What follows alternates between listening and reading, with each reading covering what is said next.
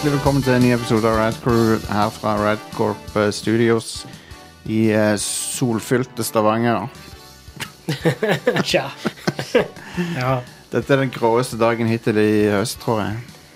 ja. Han er liksom bare sånn eh, All farge saturation er Men det var jo sol tidligere i dag. dratt ut Det var jo av faktisk det. Det var det. det, var det men ikke nå.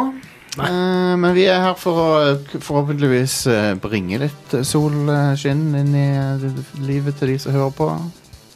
I form av dataspillsnakk. Um, så får vi se om det funker. Eh, I don't know. Det er Jostein her, og, så, eh, og jeg eh, har det greit. Og så er det noen andre i studio òg. Stian. Ja. Det er helt OK her òg. Ja. Jeg har Lise. Jeg har fått nye smertestillende, så det går bra. Hell yes. Um, OK, og så har vi Are, hei. Og så fra um, Vent, hvor er det du sitter uh, geografisk nå? Eh, meg tenker du på? Ja. Jeg sitter i Trondheim. Ja, ja, ja sånn var det, ja. Og, og, du, og, du, og, og det er selvfølgelig stemmen til Frida uh, Pe Bruker du Paulsen også? Innimellom. Men eh, Frida Danmo. Hovedsakelig Danmo. Frida Danmo, fra, uh, kjent fra Level Up, men også kjent som uh, hosten av Level Up sin podkast. Det stemmer. Det er litt kjekt å kunne ta en sånn, leanback-posisjon her nå og ikke være programleder. Ja, jeg- Det. Jeg syns også det er veldig gøy å slippe. men det er gøy å gjøre det òg, men det er, gøy, det er gøy med variasjon. Ja. Um, Åssen var det de fikk dytta det ansvaret over på deg, egentlig? Det var en, en, fin, eh, en fin melding jeg ikke, og et uh, offer I couldn't refuse. Ja. det, det er bra. Gjør, gjør dette ellers. Nei da, det var, det var noe jeg eh, gladelig takka ja til. Det er bra. Eh, Er det noe du, eh, du liker å gjøre? Å være programleder i podkasten? Mm. Ja, det er jo knall. Da liksom kunne jeg få bare sitte ned et par timer i løpet av Altså et par timer hver uke og bare eh, snakker om spill og alt mulig annet vi er interessert i. Ja, ja. Og later som jeg er sjef over disse to andre. Det er Eh, er jo egentlig litt fint. Ja, jeg syns du gjør en bra jobb. Det har vært gøy. Og de gangene jeg har joina, så har det òg vært gøy. Um, jeg vet ikke hvor mange ganger jeg har vært med på Level Backup. Sånn heter Tre ganger, kanskje? Og. Kan være. Og så vet jeg, Sist gang så var jo jeg vekkreist, Ja. så da fikk jeg ikke vært med meg og hørte i etterkant. Ja, jeg syns det er gøy å være med der og, og bringe litt uh, Litt Rad Crew inn i Level Up uh, av og til. Det. Og, men nå skjer det motsatte. Nå- I dag er det det motsatte som skjer. For nå er du Ja. her. Det er veldig kjekt å, å bli invitert. Dette har jeg sett eh, veldig fram til. Ja, nei, det, det er konge. Um, jeg syns at det er jo mer kryssting som vi kan gjøre uh, vi, i- De podkastene i Norge, jo gøyere er det egentlig. Mm, absolutt.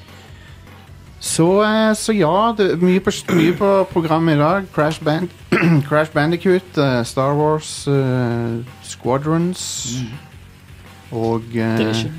Div- Tom Calancy-greier som er ute nå. Er det en oppdatering som er ute nå? Ja. Ja. The Summit. Tom Clancy er ute med en ny oppdatering. Han holder koken. Et, Han som sitter, sitter hjemme og putler.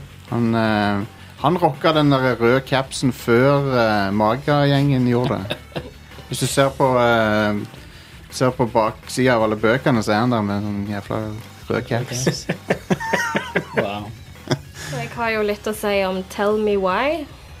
Don't Nod sin number one fan. Ingen synger det nå. Ingen begynner med det. Nei. Nei. De burde valgt en annen tittel. Deg hodet mitt. De burde, de burde hatt en annen tittel.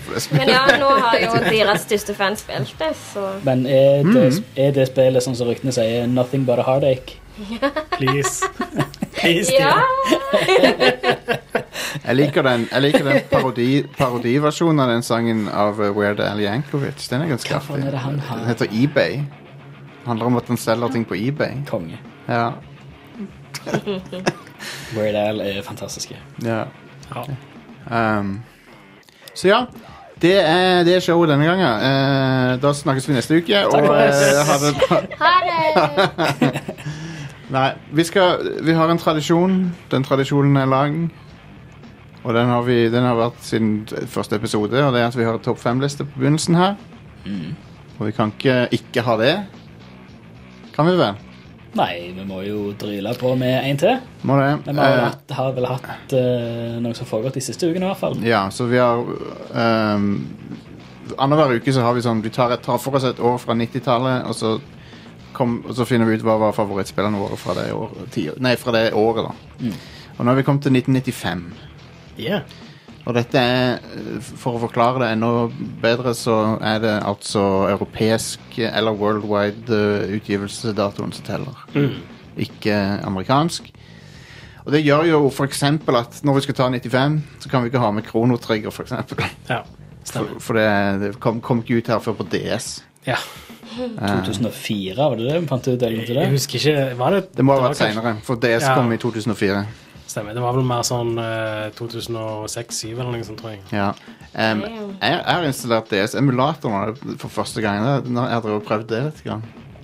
Jeg har tre DS-er. Jeg føler det er en maskin som er egentlig litt vanskelig å emulere. sånn sett. Ikke, ikke de spillene som kun er touchbaserte. De funker kjempebra. Jo, men når du det å bruke en stylus kontra det å bruke mus, så er jo Jeg ville ikke spilt Kirbys uh, Power Paintbrush. Men jeg- jeg prøvde Kan låne sånn. en av mine. Jeg prøvde Trauma Center. Det funker kjempebra. Ja, okay. Chrono Trigger DS kom ut i 2008. Ja. Oh, Ja, så jeg var sånn ett til to år på av, av det. Ja. Så det er altså 13, 13 år, ja. 13 år etter når det kom i USA. Ja. Jeez. Fantastisk. Det er en eh, drøy sånn utsettelse av europeiske mm. datotimer. Um, men OK, la oss uh, hoppe inn i det her. Yes. Nå har jeg feil uh, lyd, men uh, whatever. Det er den gamle lyden. Four, Konge. Retro. three, Nostalgisk. two, one. Blast off. Varer for lenge. Jeg orker Det var det som varte sånn kjempelenge. det. Ja, jeg orker ikke høre på det. Den varer så lenge.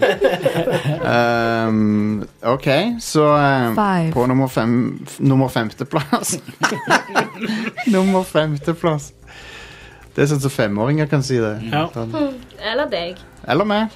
Uh, full Throttle fra Tim Schäfer. Han holder jo koken ennå, han. Om dette er det siste sånn point and click adventure-spillet fra Lucas Hearts? Nei, for du hadde Curse of Monkey Island etter det. Du hadde Kom det etter? Ja, for det, okay, og, for det var i HD. Dette her er i 320 ganger 240. Ah. 240P. Stemmer. stemmer. Wow. Um, Lord for the days. ja. har, har du spilt Full Throttle, Frida? Nei, eh, point and click har liksom aldri helt vært min sjanger, Så det, det er et uh, Det foregår i en slags uh, en, ikke, Jeg vet ikke om dystopisk er rikt- riktig, men den er sånn veldig sånn uh, en, en ganske mørk, nær framtid der det er sånn Du spiller et medlem i en motorsykkelgjeng. Lederen for gjengen, tror jeg. Og så blir du eh, tilbudt eh, å eskortere eh, sjefen av en sånn bilprodusent til, til, til årsmøte i selskapet hans. Men men så sier du nei, vi, vi er ikke We're not for sale. Vi gjør ikke det. Men så blir du vitne til at han fyren blir drept rett etterpå, han eh, CEO-en. Og eh, Du blir ikke vitne til det, men du, det skjer, og så blir du frama for det. Mm. Og så Seinere får du vite at det er han eh, visepresidenten i det motor... Det der, eh, bilselskapet som har gjort det. da Spoiler alert. Nei, Du får vite det veldig tidlig i spillet. Og han Jeg er føler også det er lov til å spoile litt grann, eh, ja. når det er 25 år siden det kom ut. Ja. Eh, Men Nei. det kan være det Og bare. så, og så bier du deg ut på landeveien på motorsykkelen din for å eh, renvaske navnet ditt. da Mm. Eh, Det er et veldig kult spill. Og liksom Den, den horrible framtida som han der visepresidenten ser for seg, da, at det, ing, ingen motorsykler, det er ikke lov lenger, og det er bare minivans. Nice. Vi skal bare lage minivans. Yes. Eh, Og det, er- Optimale kjøretøyet. ja, og det er det som skal liksom eh, Det må stoppes for enhver pris. sant? eh, kom det ikke nylig en sånn en eh, HD-remaster? Det gjorde det. Så det er på PS4 og alt. Ja, nice. Men det, det er ganske kort. Det er vel sånn fire timer langt, hvis du vet hva du gjør. Um, og så er det veldig, veldig fin story. Er Verdt å oppleve, syns jeg. Og det er jo et, et, eh, et av de siste point and click-spillene, sånn så det har ikke sånn bullshit puzzles. Nei, det er veldig interessant interface i det spillet, for du har uh, Du holder inne museknappen, og så får du opp fire verb, basically. Så det ene er uh, plukke opp med Det ene er en, en knyttneve, og så det andre er en sko. Så det er noe andre verbet er sparketing. Og så er det et med munnen. Ja. Men Det er en hodeskalle da, med munn. Men det er både snakke eller putte munnen på ting. så er det ganske bra. Det er veldig morsomt. Veldig sjarmerende spill. Det, det, det er litt sånn mørkt eh, tilsynelatende, men, men så har det mye bra varm humor og sånn òg. Så, eh, så det er litt sånn artig Litt sånn kjærlighet for det MC-miljøet, på en måte. Bare i en sånn framtidssetting. Det er artig. Cool. Ja. Eh, og så har vi eh, på Four. Så har vi eh, Command and con Concur. du er enig? Kommanderer, og du er enig med. Command and Conquer's Bad Fur Day. ja, Nei, Command and Conquer er jo eh, eh, det, det var jo det som på en måte pop gjorde RTS popul populært i det hele tatt. Ja. Um, og de Det var Det er bare veldig sånn det, det var så tempo på det. Alt går så fort, og så er det liksom flashy grafikk. Um, kongemusikk er det jo.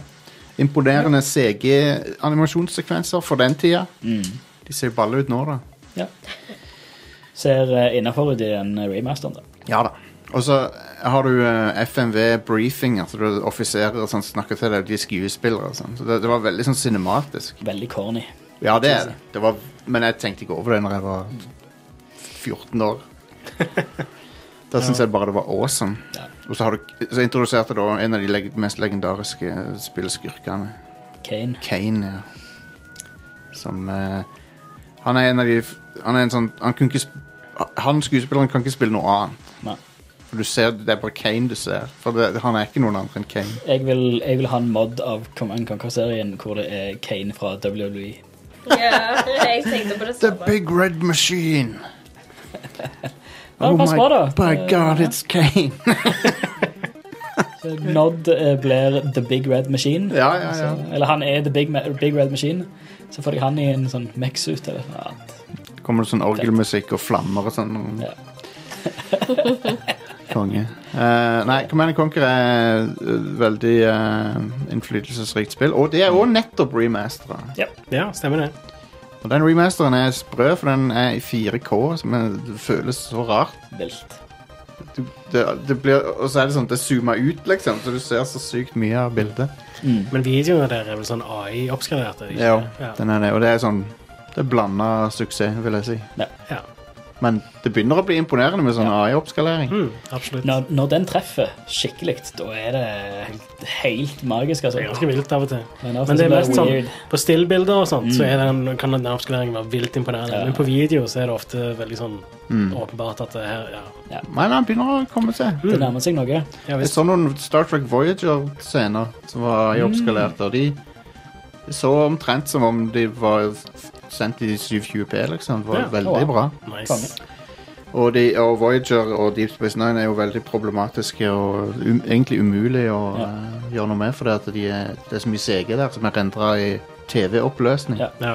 Det er Sammen vel- med Babylon 5 òg. ja, ja. Tenk hvis de hadde fått Tenk hvis Åh.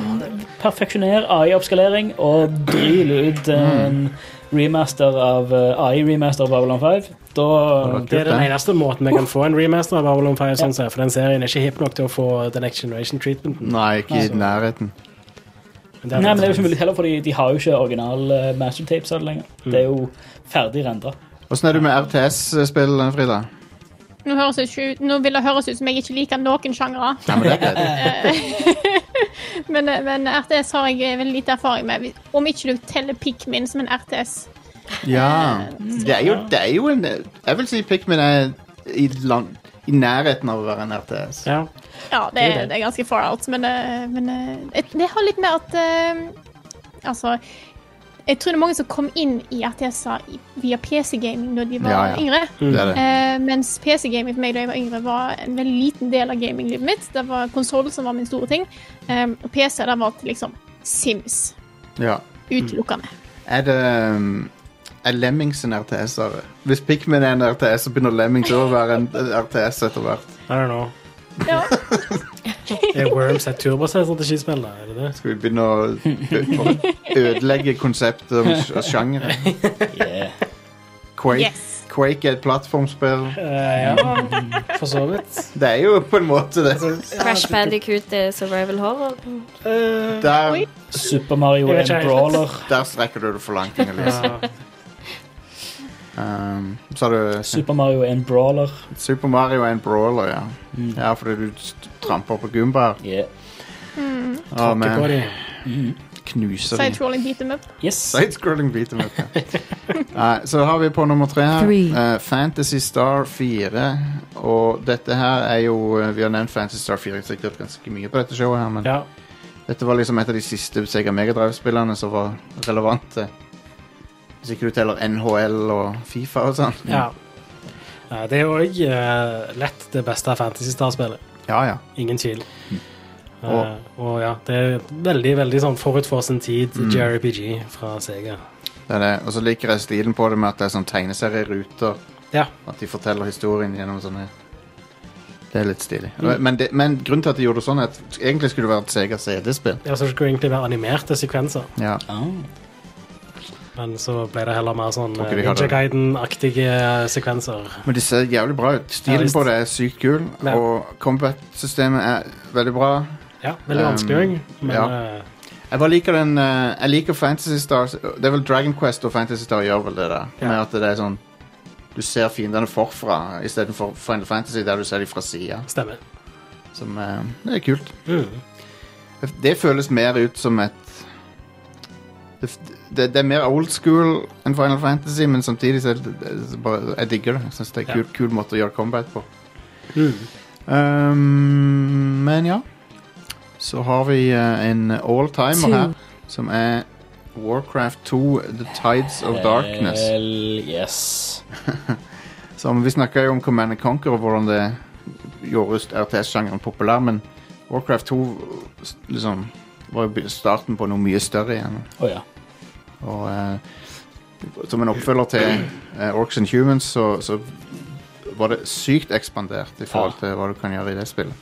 Det var spinnvilt. Jeg husker første gang jeg så det. For jeg, jeg har, org, har fortsatt original-eska til Warcraft Orcs and Humans Nice. hjemme.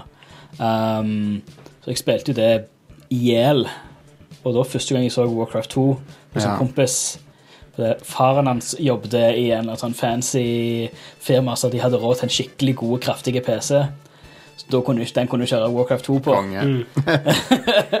Men, det, Eh, men den- og det var, det var jo helt bananas. men det var jo det som skapte Warcraft-universet, mm. det spillet.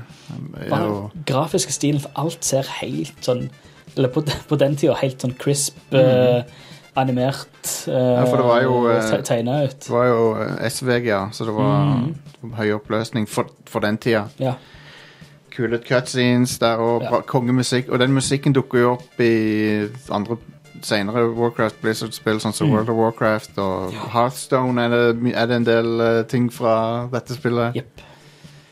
Um, men ja, det, det er sykt gøy. Og så- var den nye tingen var at du hadde flyveting og, og skip. Mm. Så du kunne Du kunne bygge oljeplattformer. Ja. det kunne du. Det var kult. Um, Så var det liksom Nei, det, det, var så, det var så gjennomført. Det var så Mm. gøy. Også når uh, Hva var det Beyond the Dark Portal kom etterpå, så var det bare enda mer gode saker. Eks ekspansjonen. Mm. Ja, nei, det er et sjefsspill. Det er dritbra. Eh, før vi tar nummer én, så kan vi ta noen uh, honorable mentions her fra 95. Det var jo året PlayStation kom hit, Mm, yeah. så da har du Wipeout, Yes! Wipeout Som- var konge. som var Men det var òg veldig sånn hipt Det var veldig sånn i tida, for det, stilen på det og musikken Ja, musikken så, var dødsbra. det er sånn ekstremt 1995, men Ja. veldig kult. Jeg tror jeg hadde den disken mer i CD-spilleren enn i PlayStation. Ja.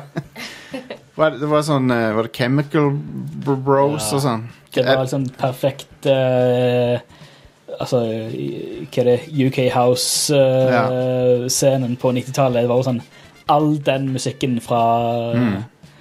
Fra Underground Uh, Ja, det var veldig hipt. London-scenen var bare skvist inn i dette her. Det var helt magisk. Absolutt. Og så har vi òg Twisted Metal, Yes! som Inger-Lise og Jan ville ha med her. Oh yeah. Som eh, jeg bare liker han klovnen. Han sweet tooth. Han, Det var faktisk morsomt nok før jeg fikk klovnefobi. hva, hva het No eh, Hva heter de forskjellige sjåførene i Twisted Metal? igjen? Du har uh, Mr. Grim, som er en motorsykkel. Crimson Fury, er det noe? Ja. Er det noe som heter det? Jo, er ikke det hun dama i den Ferrarien? Ja. Uh, Axel kom vel seinere. Det er jo han duden som er strappa opp mellom to sånne gigantiske monstertruckhjul. Herregud. Uh, Latterlig. ja, Sweet Tooth var en boss. Minion var òg en boss, eller var han i var det, Minion var vel siste bossen i Einen. Det var en sånn APC-type greie. Car Combat-sjangeren har aldri kommet seg tilbake Nei. igjen. Etter etter han døde, så hadde liksom, så hadde ingen har klart å gjenopplive han igjen. 90-tallet hadde liksom perfekt med Twisted Metal og Carmageddon og uh, Vigilante 8 Det var så- til en viss grad. Det var så populært med Car Combat at uh, de lagde en Star Wars-en også. Nå har vi liksom bare Rocket League. Um, de lagde en Star. Wars-en. Jeg kan ikke huske hva den heter for noe nå. Hva Men det var, nei, det var inspirert av Destruction Derby. Var det den uh, uh, Åh, Super Bombad Racing? Nei, nei, nei, det? nei. Uh, Det Det var kart raceren, det. eh, eh, eh, eh, Det spillet heter for De Star Wars Demolition heter det. Oh, ja. Det var en sånn der eh, rip-off av Destruction Derby. Konge. ja. Destruction Derby kom òg samme året. Det Ja. var, en, var vel en launch på Ja, det var, kanskje det. Eh, og så har vi, jo gøyalt. har vi Rayman Yeah. fra eh, Ubisoft. Det var første gang jeg hørte om Ubisoft. Jeg lurte same. For jeg så den logoen som var ja, det har jeg ikke hørt om Det var vel det og Crash Bandicoot vi spilte rundt den tida som gjorde at eh, det, det var det som gjorde at jeg ble glad i plattformspill, da. Det var den gangen Ubisoft hadde den regnbuelogoen. Ja. Stemmer det. Men sånn, jeg, jeg vokste jo ikke opp med Nintendo, så dette her var min første Jeg, møte jeg syns. Rayman er konge. Det Ja, jeg det jeg eneste, liker kjempegodt. eneste som er bullshit Ja, ja. med det spillet, er at du må samle alle de der burene for å komme deg helt til slutten. Men det er jo kjekt å samle de Jo, burene. men noen av de er for, for vanskelige, syns jeg. For det spillet der er bare forferdelig vanskelig. Ja, det er det. Det er dritvanskelig. Jeg prøvde å spille igjen nå for noen år siden. Eh, faen, det er vanskelig. Ja, Det var noe annet før i tida, altså. Ja. Det nye var ikke like vanskelig. De der, nei, Legends og Origins og det der. Det var Nei. ikke like vanskelig. Nei, Nei, nei. Der er noen sånn som de der Å, jeg husker noen blyantleveler jeg ikke fikk til før. Men da var det veldig sånn Det, merker jeg at jeg har gjort nå med det nye Crash Bandicoot. At når jeg ikke får noe til, så gir jeg kontrolleren til broren min. Ja, ja, hvorfor ikke? For det var sånn vi gjorde når vi var små. Så var det sånn, eh, kan du gjøre det? Men, uh, men det er et veldig bra spill, så det Ja. kan være en honorable mention. Musikken og humoren og alt. Mm. Eh, nå har vi kommet til nummer én, som jeg tror alle har et slags forhold til. i hvert fall Ikke meg. Nei, ikke Inger-Lise. Ok. Sup uh, jeg skal ta hele tittelen som det ble lansert med. da Super Mario World 2 Yoshi's Island. Ja. Som eh, jeg, jeg har aldri vært fan av at, det, at de kaller det for Super Mario World 2. For det har, til Super Mario World. Jostein. det har så lite med Super Mario World å gjøre. Det har ingenting med det spillet å gjøre. Faktisk ingenting. Det burde bare hete Yosh Silent. Det Men det- sant. Men det er et jævlig bra spill, da. Det er det. Og uh, det er det, det gjorde ting på Super Nintendo som ikke jeg trodde var mulig, på en måte. For det, med den FX-chipen og sånn. Ja. Så grafikken er jo kjempebra i det spillet. Ja, absolutt. Og med hjelp av den chipen så var alle bossene var en sånn gimmick med at han eh, Han hva, det heter for noe? Han eh, mag, mag, mag, Magikopaen uh, Kamek, er det han heter? Ja. Kan jeg ikke. Han kommer alltid og liksom drysser noe stjernestøv på, på en sånn bitte liten skapning, og så blir han kjempestor. og Sånn. det var veldig gøy. Eh, er du fan av dette spillet, Frida? Åh, elsker han. Det har så fantastisk koselig stil. Ja, det har det. det, har det. Og det er liksom, Jeg er helt enig at jeg så tittelen på det første gang. bare sånn, Dette er jo ikke Super Mario World. Det? Men eh, digger det spillet. Ja. Det, mm, Um, det er jo så nærme Nintendo har kommet å ha noe eh, drug-relatert i et spill. ja, du tenker på Touch Fuzzy Get si. Ja. What? Du Det er kommer, en level i, som Det heter høres sexy ut. ja, det òg. Men ja, det er en level i Yoshi's Island hvor det er sånne um, Ja, du kan finne det på eh, YouTube. Men eh, det er sånne planter som detter ned. Ja. Og hvis du t- kommer borti dem, så blir alt warped. Oi. Og så blir musikken litt sånn forvridd, og ja. basically du blir høy AF. Um, du. Yes. Er, det, er det spillet som kom på det, eller Det er tittelen på levelen. Ja, Så ja. Skal vi se om jeg kan finne et eksempel på hvordan det høres ut når du tar på de Se nå. der Ja, touch fuzzy, get dizzy. 1-7. så, så begynner det å komme sånne sporer som du, når du kommer borti de Så blir det Dizzy Times. Her, ja.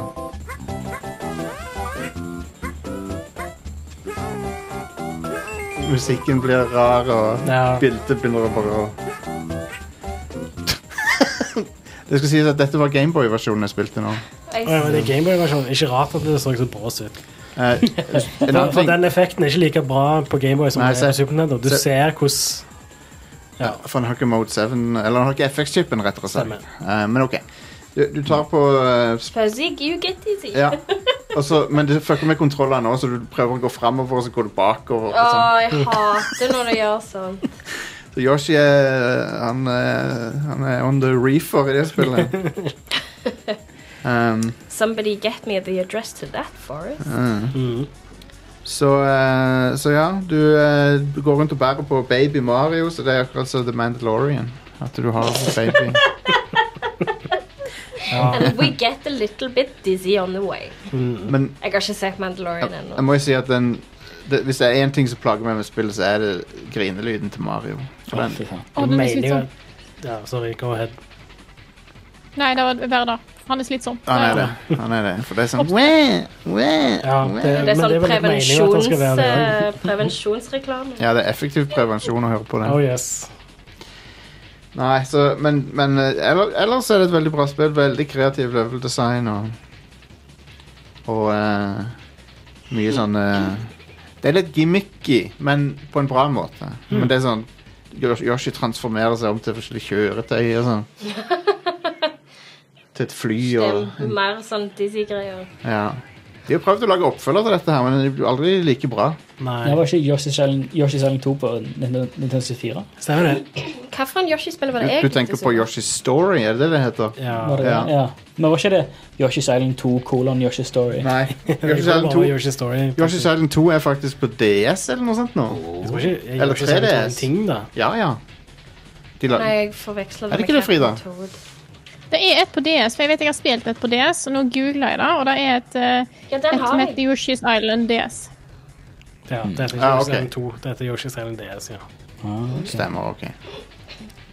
OK, my bad. Jeg tar det tilbake. Uh, men ja, det var topp femmen. Men det er greit. Um, men ja, la, la, oss gå, la oss gå over på uh, nyhetene. Ja. Uh, han der Minecraft kommer til Smash Bros. Uh, Notch kommer til Smash Bros. Nei. Han der Minecraft. ja. Uh, fire karakterer fra? Minecraft. Steve, Alex, Zombie og ja. Enderman kommer til, Min til, til Smash Bros. Okay, Det er faktisk litt kult, da. Det er ganske kult. Det er Men det er jo veldig unike karakterer. da. Ja, det er jo bra at de uh. De kan bygge og sånt. Du, tenk å ha hatt Enderman i Du, det, Og du Enderman sa- kommer til Og du sa Enderman, ja? Ja, jeg sa Enderman. Og rått. Kan du warpe rundt og bare plukke opp folk og slippe dem hvor det passer for deg? Uh, det ligger en sånn, Jeg tror han er 40 minutter lang video hvor han Eh, går gjennom det der. Du får bare eh. sjekke ut den. på Ja, det er nok jeg har ikke sett det. Nok om dette nå. Men, Jeg tenkte bare å spille det sjøl. Ja. men det er bra det ikke var Notch som var med. Jeg vil helst ikke gjøre det. han har jo ingenting med Minecraft å gjøre. Jeg vet uh, Han solgte de jo for hva er det, fem år siden? Nei, det er nesten. Det er vel syv år siden. siden. Han er bare rik og shitty på Twister. Han er rik og virker som en uh, skytstøvel. Eh, Ja vel. hver gang han sier noe, så er det sånn Kom an, bare hold kjeft. Eh, Ja. Kan, for, hvis, hvis du har så mye penger, kan du kan, trekk det tilbake. Slutt å poste. Det er det jeg hadde gjort. Jeg hadde bare ikke Du vært kan på bare internett lenger. legge han til på lista over folk som bør bli fratatt Twitter. Han på Han, JK Rowling og Trump. kontroversielt Nei, det er ikke kontroversielt i det hele tatt. Jeg er helt enig med deg, Inger-Lise. Jeg, They know what they jeg, har ikke- jeg har ikke lyst til å se noe mer fra noen av de folkene. Det er helt sant. Eh, men ja, det var um, Mi- Minecraft i eh, Smash der. Ja. Eh, dette er en litt sånn slow eh, nyhetsuke. Um, men um, de har annonsert Need for Speed Hot Pursuit Remastered. Vent, hvilken er det nå igjen? Det er den Den fra 2010? Hot Ja. Pursuit, er det den politi... Stemmer. Ja. Det er ikke Need for Speed 3 Hot Pursuit, Nei. men det er Criterion sin Hot Pursuit. Ja. Uh, og den kommer til uh, PC, PlayStation 4 og Xbox One 6. november, og 13. november ei uke senere på Switch. Det spillet hadde noen banebrytende ting i seg. Må, spesielt hvordan online fungerer. For at han hadde sånne live leaderboards og sånn Og sånne um, Hva heter, hva heter det for sånne asynkron uh, multiplayer-elementer i seg. Ja, det var ikke så banebrytende i Hawk Pursuit, fordi Burnout Paradise hadde det. Ja. Men det var ikke, kom det ikke ut før Burnout Paradise? Nei. Nei. Uh, Det er ikke så gammelt. Og Criterion begynte vel å jobbe på Need for Speed-spill etter de var ferdige med Paradise, var ikke så? Etter de var ferdige med Burnout-serien. Ja. Så etter Burnout Paradise faktisk, så begynte de å lage Need for Speed. Ja, stemmer. Det er helt sant. Never mind. Så, ja. Eh, men ja, de tok jo videre den der gode Criterion Online-delen som de etablerte i Burn of Paradise. Ja. Og uh, ja, det Jeg liker sånn multiplayer som ikke er multiplayer. Sånn. ja, Jeg syns det er kult. Det er mye bra sånn i eh, Forza Horizon-serien. Mm. Ja. Det er ganske sweet. Uh, GeForce RTX 3070-serien har blitt utsatt litt. Ja. Kommer nå 29. i 10. Og så er det umulig å få tak i 3080, sant? Ja, og det er litt av derfor de utsetter det. De har lyst til å De har uppa produksjonen, og så vil de kunne levere flere til lanseringsdagen. Sånn okay. at det ikke blir så mye rot. Innenfor det. Det er jo det. Men ehm, ja, det blir interessant å se når folk får uh, 380-ene sine som de har bestilt. Jeg tenker det er jo et uh... Fikk ikke Thomas det i dag? Jo, Thomas fikk sitt i dag. Uh, mitt har blitt uh, utsatt med ti dager. Ja. Ja, ja. Originaldato var Bedre det nå. 12., men nå er det 22. Bedre med ti dager enn eh, et år, som PlayStation 5-en min er utsatt med. Tolv måneder. Det, er- det er jo en, det er jo en vits. Skulle bestille fra Komplett. Det er det jeg har gjort. Det er det vi har gjort. Og vent litt, var det de du ikke skulle bestille? Jeg bestilte fra- Jo, du skulle bestilt i dag fra Komplett. Ja, nei, vet du hva? Min plan med PlayStation 5 er å gå på OBS på lanseringsdagen. og Stemmer. Bare se om de har en. Du, For, jeg, jeg blir med. for jeg, jeg tror nesten at det går. Jeg. Den planen kommer til å funke. Kanskje det, ja. Det er en random lekebutikk eller et eller annet. Ja, Jeg snakket med en kollega av meg om at kanskje vi bare skal kjøre ut på Coop på M44 eller noe i pausen. Ja. Uh, så det, det er mye mulig at du får en da, altså. ja, jeg- Ja, du finner- Ja, det er du finner- Du har noen fysiske til salgs òg, sånn at eh, det er ja, ja. noen som kommer i butikkene. Du finner meg på Ops på Kvadå klokka ni. Og det, men men uh, OBS er jo samtidig sånn Det er jo en sånn egen uh, lukka verden, på en måte. Så de, de, av og til så finner du spill der før lansering og sånn. De er veldig sløve. Å ja. Det jeg har tatt i et par ganger. Mm. Det, yeah. var, det var når jeg kunne være undercover for gamlejobben. Mm. Jeg husker jeg prøvde å få tak i Destiny dagen før, men da hadde, da hadde de eh, blitt fortalt av noen at eh, Åh. Det var sikkert meg. Unnskyld. Hvis det var det, så Aldri tilgi det. Nei da. Eh, jeg har en siste nyhetssak. Mm -hmm. og det er at eh, CD Projekt Red pålegger overtid til sine ansatte fram til Cyberpunk-lanseringen. Ja. Det gikk gull i dag. Ja. Um, men, Men de er jobber jo selvfølgelig kua. med en day one-patch Yes. som uh, Ja. Det har gone Goldbloom. Mm. Uh, men det er jo litt dumt, da, for det er jo uh, i, Det var vel i fjor så hadde de et intervju med Jason Schreier. Mm. Eh, da var han vel i Kotaku, tror jeg. Og da eh, sa de til han at eh, de eh, ikke ville tvinge crunch på noen av sine Mm. ansatte. Men nå gjør de jo faktisk det. Eller crunch blir kanskje Altså, de, Ja. de sier en dag til i uka må du jobbe, basically. Ja. Så seks dagers uke. Seks dagers arbeidsuker. Ja. Det er jo litt mye, men Men de, Og men de får det betalt- kompensert. Ja, du får betalt Å, ja. overtid. Eh, og i tillegg da, så kom han um, studiosjefen ut med at eh, 10% av inntjenelsen til CD Projekt Red er bonus til de ansatte som Yes. er delt ut. Og det er ganske. Det kan bli en substantial bonus. Det er en solid bonus, for å si det sånn. Men det er jo vanskelig, det der. For jeg, er jo, jeg er jo enig i at eh, crunch er en uting. Og, men mm. samtidig så, så, så lurer jeg på om amerikanske journalister av og til de, de tenker uh, i et amerikansk perspektiv der de har de verste arbeidsvilkårene i verden. Ja. Og med en gang de hører at noen må jobbe overtid, så antar de at det er like ille som det er i USA. Verden har forskjell på det, det, Hovedgrunnen til at jeg eh, sikkert aldri kommer til å flytte til USA, Det er rett og slett arbeidsmarkedet der. Ja, er, Eh, det, det er helt, eh, helt sjukt. Det er fucked. Jeg hadde jo ei venninne som aldri kunne ta fri selv om hun var syk, og det var Mm. matbransjen. Ja. Ja. Hva er logikken i det? Da gjør jo andre syke. Det er så latterlig eh, Logikken er at det er, det er en employers market. Ja, ja. Det er, hvis, du, eh, hvis du slutter jobben din, så står det 50 andre i kø til å vil ha jobben din. Så arbeidsgiveren gir, gir blanke i det. Ja, Ja. Drit i det. Der er, der er alltid noen til å ta en jobb. Det er kaller det. det fagforeninger, for det er onde. Ja. Fagfore- Fagforeninger, det er Al Capone, det. Men det er jo det, ver- altså, mafia. USA har jo ca. 120 år nå med hardkjør anti-fagforeningspropaganda. Så, så det har bare gjort folk helt fremmede for å i det hele tatt tenke på fagforeninger.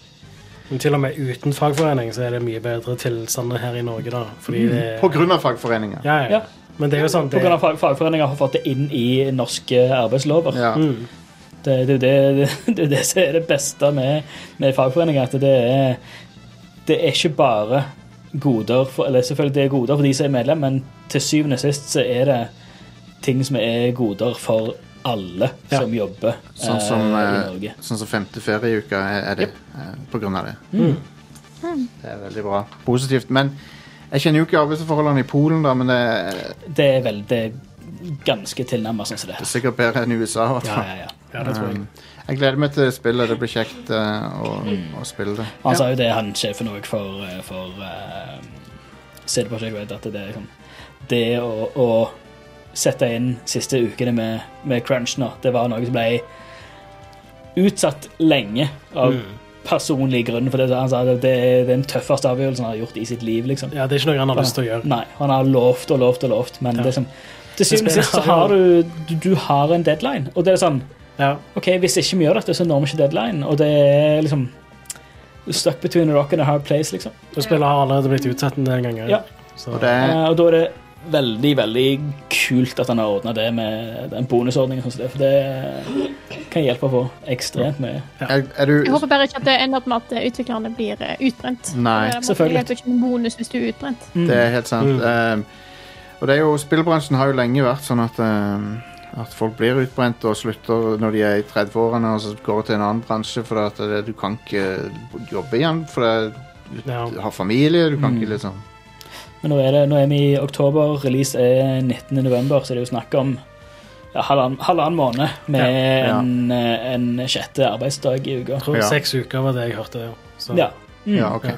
Så det er Det pluss å få overtidsbetalt, pluss å få den bonusen Jeg hadde sagt gladelig sagt ja til det. Det hadde vært noe problem. Seks Ja. uker, det går helt fint. Um, Men jeg òg hadde det, men jeg er litt arbeidsnarkoman, så ikke Ja, sant. det- Nei, men, det, det er liksom det. men altså, folk har jo familier, og folk har liksom andre ting å forholde seg til.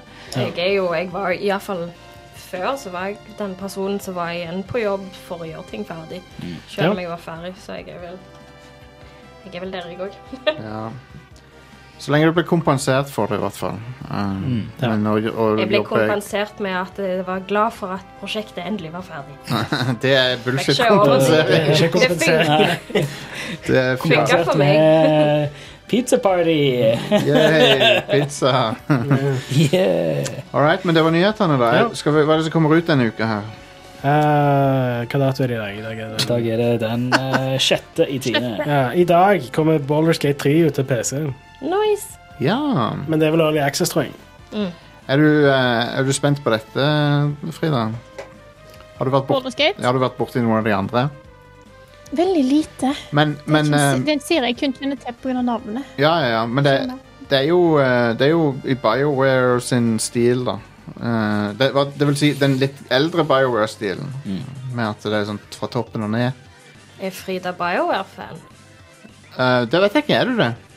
Eh, jeg kan ikke si at jeg er, i frontline. Nei, nei. Ja. Jeg, Nå jeg, hører, jeg liker visst ingenting, jeg, i ingenting jeg sånn. du, du skal få lov til å snakke om ting du liker etterpå. Altså. Er det noe mer du ikke liker, Frida? Uh, skal vi se. Det er uh, lite fan av sennep. Eh, Er du fan, er du fan av å pusse tennene og så drikke appelsinjuice? det er det ingen, Nei, altså det er, Nei. nei, det er ingen som er fan av det. Jeg er heller ikke fan av det. Jeg har gjort det, men Det er ikke godt. Det er ikke godt. Jeg har gjort det. in a crunch. Det er den vondeste smaken. eh, Det vekker deg iallfall. Ja. Jesus. Hva syns du om Fifa 21?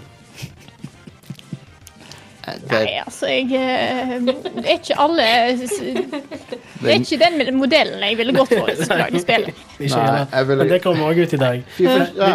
Hvis du kjøper, ja, det er jo september. i september. hvis du kjøper Ultimate eller Champions Edition, så kan du kjøpe spille det i dag. Men hvis du skal ha den vanlige dødelige versjonen, så må du vente til fredag. Hvis du har det EA Play, da, da kan du spille det òg. Sikkert. I don't know. Ja, I guess. Jeg kommer Um, ikke til å gjøre det når jeg kommer hjem. I guess. Det er veldig bra svar. Det er så mye eh, effort jeg gidder å gi Fifa. Det kommer ut i dag. Er det. det. Ferdig med Fifa. Fotball. ferdig med det. Yep. Uh, på torsdag så kommer The Uncertain Light at the End til PC. Og Er det The Uncertain colon light at the end? Eller, Ja, er det, det er- eller er det The Uncertain light at the end? Nei, det er The Uncertain colon Light at Ah, the. End. Det, det er eh, oppfølger til The Uncertain eller en annen tittel. Jeg husker ikke helt hva det var. The Uncertain colon. Det hørtes ut som The Uncertain colon Etter en uh, hard eh, kveld på byen og en tung eh, kebab. uh, da er det The Uncertain colon. Lyset gjennom i av tunnelen. Lyset Jeg syns det ser eh, Det så litt sånn eh, Last Jeg syns det så litt kult ut. Det Det er sånn eh, adventure-spill av noe slag. Det ser litt ut som Last of Us. Sci-fi. Mm. Sci-fi adventure game. Uh, det er bare det at jeg aldri har hørt om det før. Så, ja. Det er en demo av det, da, så du kan teste det gratis om du vil. Ja. Det er på Steam. Jeg tror jeg skal gjøre det. Ikke lage det. Jeg tror jeg skal ta og prøve den demoen av det. Ja, Så kan vi snakke om det neste Ah. Uke. light at the Så du sender noen puzzles eh, inni der òg? Ja, det, og dialoghjul. Take back human et eller annet. Oi, det var litt roboter. Det er roboter, ja. Oi. Er, er det Detroit eh, Become Human bare ikke? Det er Kanskje. First Price uh, First- Detroit, Detroit Become Become Human så litt mer human enn Det, de men eh, men eh, nå spekulerer vi Vi har ikke peiling på hva det er. Nei, vi har ikke hørt så, om det før. Nei. Det er uncertain. Det er, We, Ja. we, we have Detroit Beyond Human uh, at home. Å, det, det var det memet der er briljant. Ja, det er det. Jeg elsker det. Um, en annen ting som kommer på torsdag, er I Som Am er Dead. sikkert. No!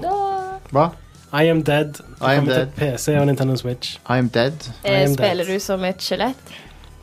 Jeg har ikke hørt om Hva det heter før. det spillet, hva heter det spillet der du Hva heter det spillet der du kunne sprenge deg i fillebiter og så samle kroppen din igjen? Det er fra Konami.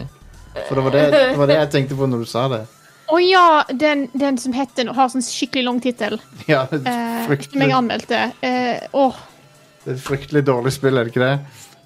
Nei, det er ikke hakkende gale. Ok, for jeg Hvis jeg bare tenker rett spill. Nei, kanskje det ikke er så dårlig. Jeg har funnet noe hun liker litt. For det, var, det, er en sånn dude, det er en sånn dude som alltid blir sprengt i filler, og så kan han bygge seg sammen igjen. Og da tror jeg jeg tenker på et annet spill. Nå googler jeg Konami Game with Guy Exploding. Bomberman. Explosion Man. Er ingen av de Nei. Ja, for jeg tror jeg tenker på et annet spill igjen. Det er som også litt grotesk, Det er kroppsdelene blir dette fra hverandre. Jeg har et image i hodet, men jeg vet ikke om det er det.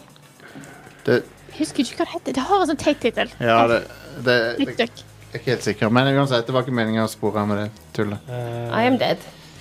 Iconfell kommer òg på torsdag til PC, Nintendo Switch, PlayStation 4 og Xbox One. I, Det er- I can fell. I, I, Iconfell. Er det nordisk? Jeg har ikke hørt om dette før, jeg, Elise. Hallo, research her. Ta neste, neste tittel. Ride eh, 4 kommer til PC, PlayStation 4 Xbox Xbox Hva One. det er, Are? Tony Det er Hawk. et bilspill. Har det kommet til Tony Hawk Ride 4 allerede? Nei, Følger du med skateboard til det òg? ja, Jostein, du følger med skateboard til det òg. Oh my god, Jeg tror egentlig det er et var- motorsykkelspill, men jeg er ikke helt 100 Du, det var jo det der, Var det ikke et skateboardspill der du fikk med Jo, skateboard? jo. Jeg tror Var det det Tony het? Hawk's Jeg tror Frida så prøvde å skyte inn noe her. Red.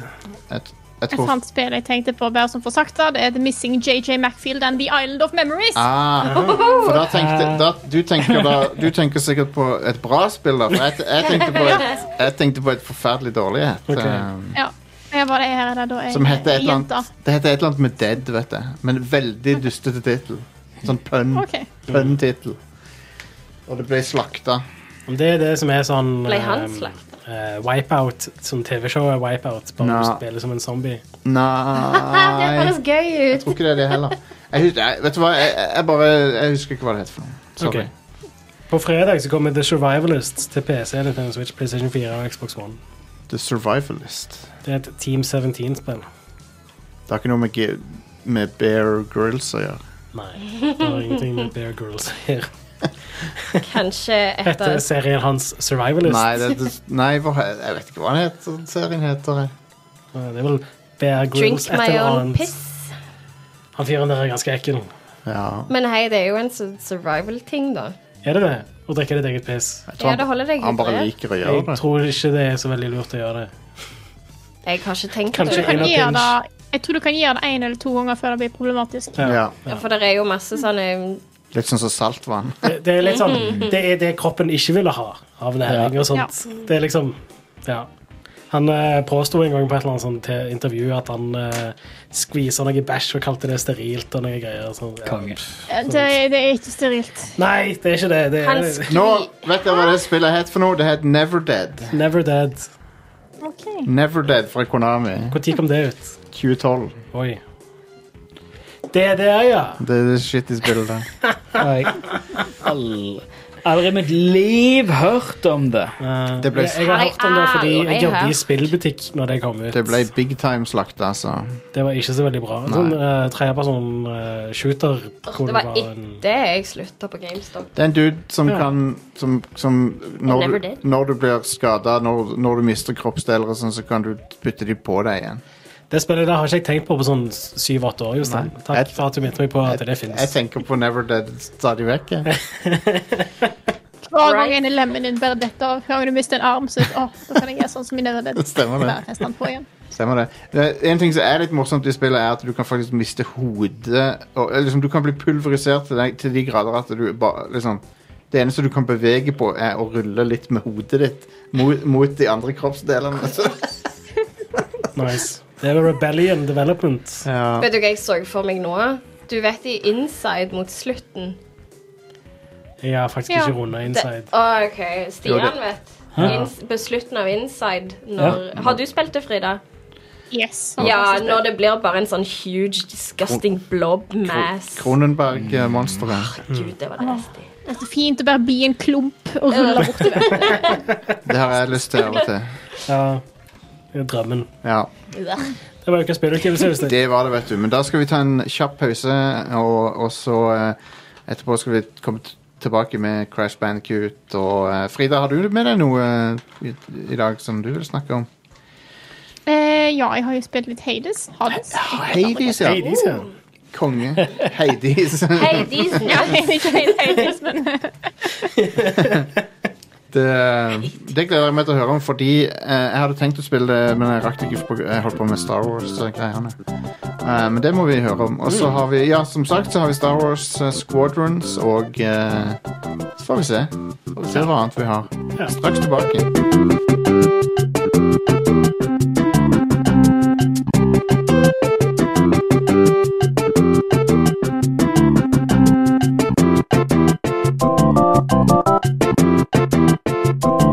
Now,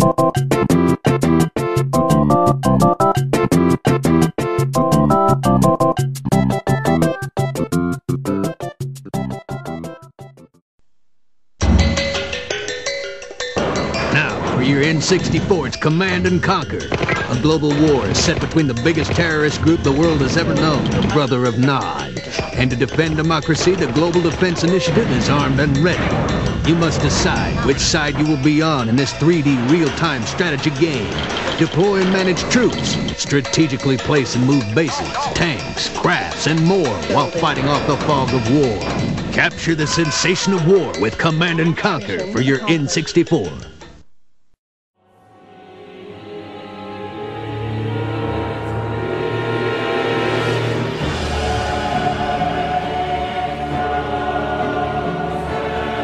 Da er vi tilbake med, med The Rad Crew. Vi eh, har eh, Vi samles her for å snakke om noen spill som eh? Som eh, i dag så det, det er flere spill å snakke om i dag enn det på, har vært på lenge, faktisk. For det, Vi har eh, Ja, Frida har jo- kan jo begynne. Du, du, du sa du hadde spilt Hades. og da ikke, ikke Hades, men ha, Hades. Den dagen Hades kom med et spill, altså Nei, da eh, Nei, jeg, jeg, vet, jeg, jeg sier bare Hades jeg, for å gjøre det enkelt. Det er jo et uh, rogelite Åh, hvordan er forskjellen på rogelike og rogelite? de har. Den ene har sukker, og den andre har aspartam. Sånn var det. Da går vi for aspartamversjonen. Eh, men det er jo et eh, spill der du spiller som sønnen til Hades, som skal prøve å komme seg ut av underverden og jobbe seg oppover i de ulike lagene i underverden eh, for å komme seg ut. Eh, og når du dør, så havner du tilbake igjen nede i huset til Hades og måtte må gjøre det på nytt. Og det som gjør det til at en rogelight er jo da at du får ulike oppgraderinger på hver sånn run som du mister når du er ferdig. Ah. Og så eh, har du, får du òg andre typer currency som du bygger deg opp, som du kan bruke til å gjøre karakteren din mer, altså sterkere, sånn at du faktisk får noe ut av hver run istedenfor bare dø. Så da er min Det er eh, en versjon av Roguelite som jeg er glad i. Det at du ikke bare starter helt på scratch Ja, eh, enig. Helt enig. Så eh, jeg kan jo ikke skryte mer eh, Altså, jeg kan ikke klare altså, Jeg har allerede snakka mye om det i vår podkast, men jeg skal prøve å ha dette kort. Det er et fantastisk spill. Ja. Eh, combaten er dritsmooth. Eh, oppgraderingene er kjempestilige. Karakterene du møter på, er helt fantastiske. Alle er jo henta ut fra gresk mytologi. Mm. Eh, og du kan Så du får upgrades fra ulike guder og sånne ting. Eh, og kombinert med ulike våpen som gir deg ulike angrep. Og så er musikken stilig, og så er alt bare, alt er bare kjempegøy. Det er jo fra uh, Supergiant Games som vi har, vi har hatt han eh, sjefen der på show en gang. Uh, han, han eh, det var omtrent Det var rundt den tida da de skulle gi ut det der Transistor, tror jeg. Ja. Um, og Bastion er jo også et kongespill. Hva plattform er dette på? Dette er vel på, på det meste. Nei, jeg tror det, nettopp kom på Switch. jeg tror det er kun PC og Switch. Ja, Å ja. Okay. Sånn var det, vet du, ja. PC og Switch, ja. Uh, nei, så det anbefales. Det er kjempegøy. Jeg har ikke kommet kjempelangt i det, uh, så jeg driver og liksom koser meg med det litt sånn innimellom. Det har jo en veldig unik uh, artstil som har, har fått mye oppmerksomhet på nettet, for folk, folk syns de der gudene er hotte, liksom. Nice. De er litt hotte. Det Ja. er de. Definitivt. Um, men uh, det har også fått masse positiv oppmerksomhet. Det virker som det må være eh, Det overrasker meg ikke hvis dette er den største hiten de har hatt uh, hittil, for jeg ser så mye prat om det rundt omkring. Ja, for denne heter jo bare liksom har ordentlig eksplodert. mm, Og det er av god grunn. Det er et kjempebra spill, og jeg koser meg virkelig når jeg spiller det. Og eh, god vanskelighetsgrad og god på en måte, utvikling av eh, av karakter, så du ikke Du blir ikke lei av å måtte starte på nytt etter du har dødd, nei, nei, nei. Uh, som jeg var redd for i starten. da. Eh, så eh, det her fortjener de all ros de får. Jeg tror dette spillet kommer til å komme høyt på lista mi for, topplista mi for i år. Kult. Det er, et, det er jo et solid spillår, dette her, 2020, så da sier jeg litt. Ja. Ja. Nei, det, jeg ser fram til å prøve det sjøl, og grunnen til at jeg ikke har gjort det, er fordi det er så mye annet som jeg ville spille. Men det er definitivt på lista mi eh, av ting jeg må få sjekka ut. Um, og hva vil du sammenligne combat med? Er det litt sånn Diablo-stil, eller? Ja, på en måte litt Diablo. Ja. Eh, det er jo den samme top-down-skrå-viewen som du har i Diablo. Det er lettest for meg å sammenligne med et annet lignende spill jeg spilte i fjor, forfjor, som heter Children of Morta. Ah, Eh, men det er veldig likt, men det er ikke måte, så stort. da. Men eh, kanskje litt Diablo, ville jeg sagt. Det er bare uten så mange spills. Du har kun et vanlig attack, en special attack og en ranged attack. okay. og en dash. Og da er de fire. Og så kan du få ulike power-ups som gir deg ulike effekter. Enten det er dots, eh, altså damage over time-effekter, eller oppgradere de, eller ja, sånne type ting, da. Kult. Det virker spennende. Jeg var veldig fan av Bastion. Og, men uh, jeg sleit med å komme inn i Transistor litt. Grann. Det var veldig, det var veldig innvikla. Er det samme folk som har lagt Bastion? Ja. Ja, det var det. Ah, kult. Eh, Du ser det på stilen nå. nå. Hadde ikke de et T-spill?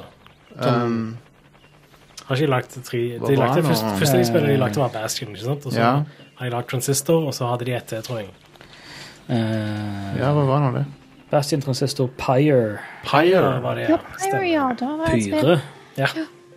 Pyre, ja, det spilte jeg litt. Det var artig. Pyre. Det var artig, det. Pyre. Eh, Det var artig, men jeg, jeg hadde faktisk helt glemt det nå. ja. Mm. Det var, Pyre er baseball. Nei, basketball, unnskyld. Det, det er en slags form for basketball. kult.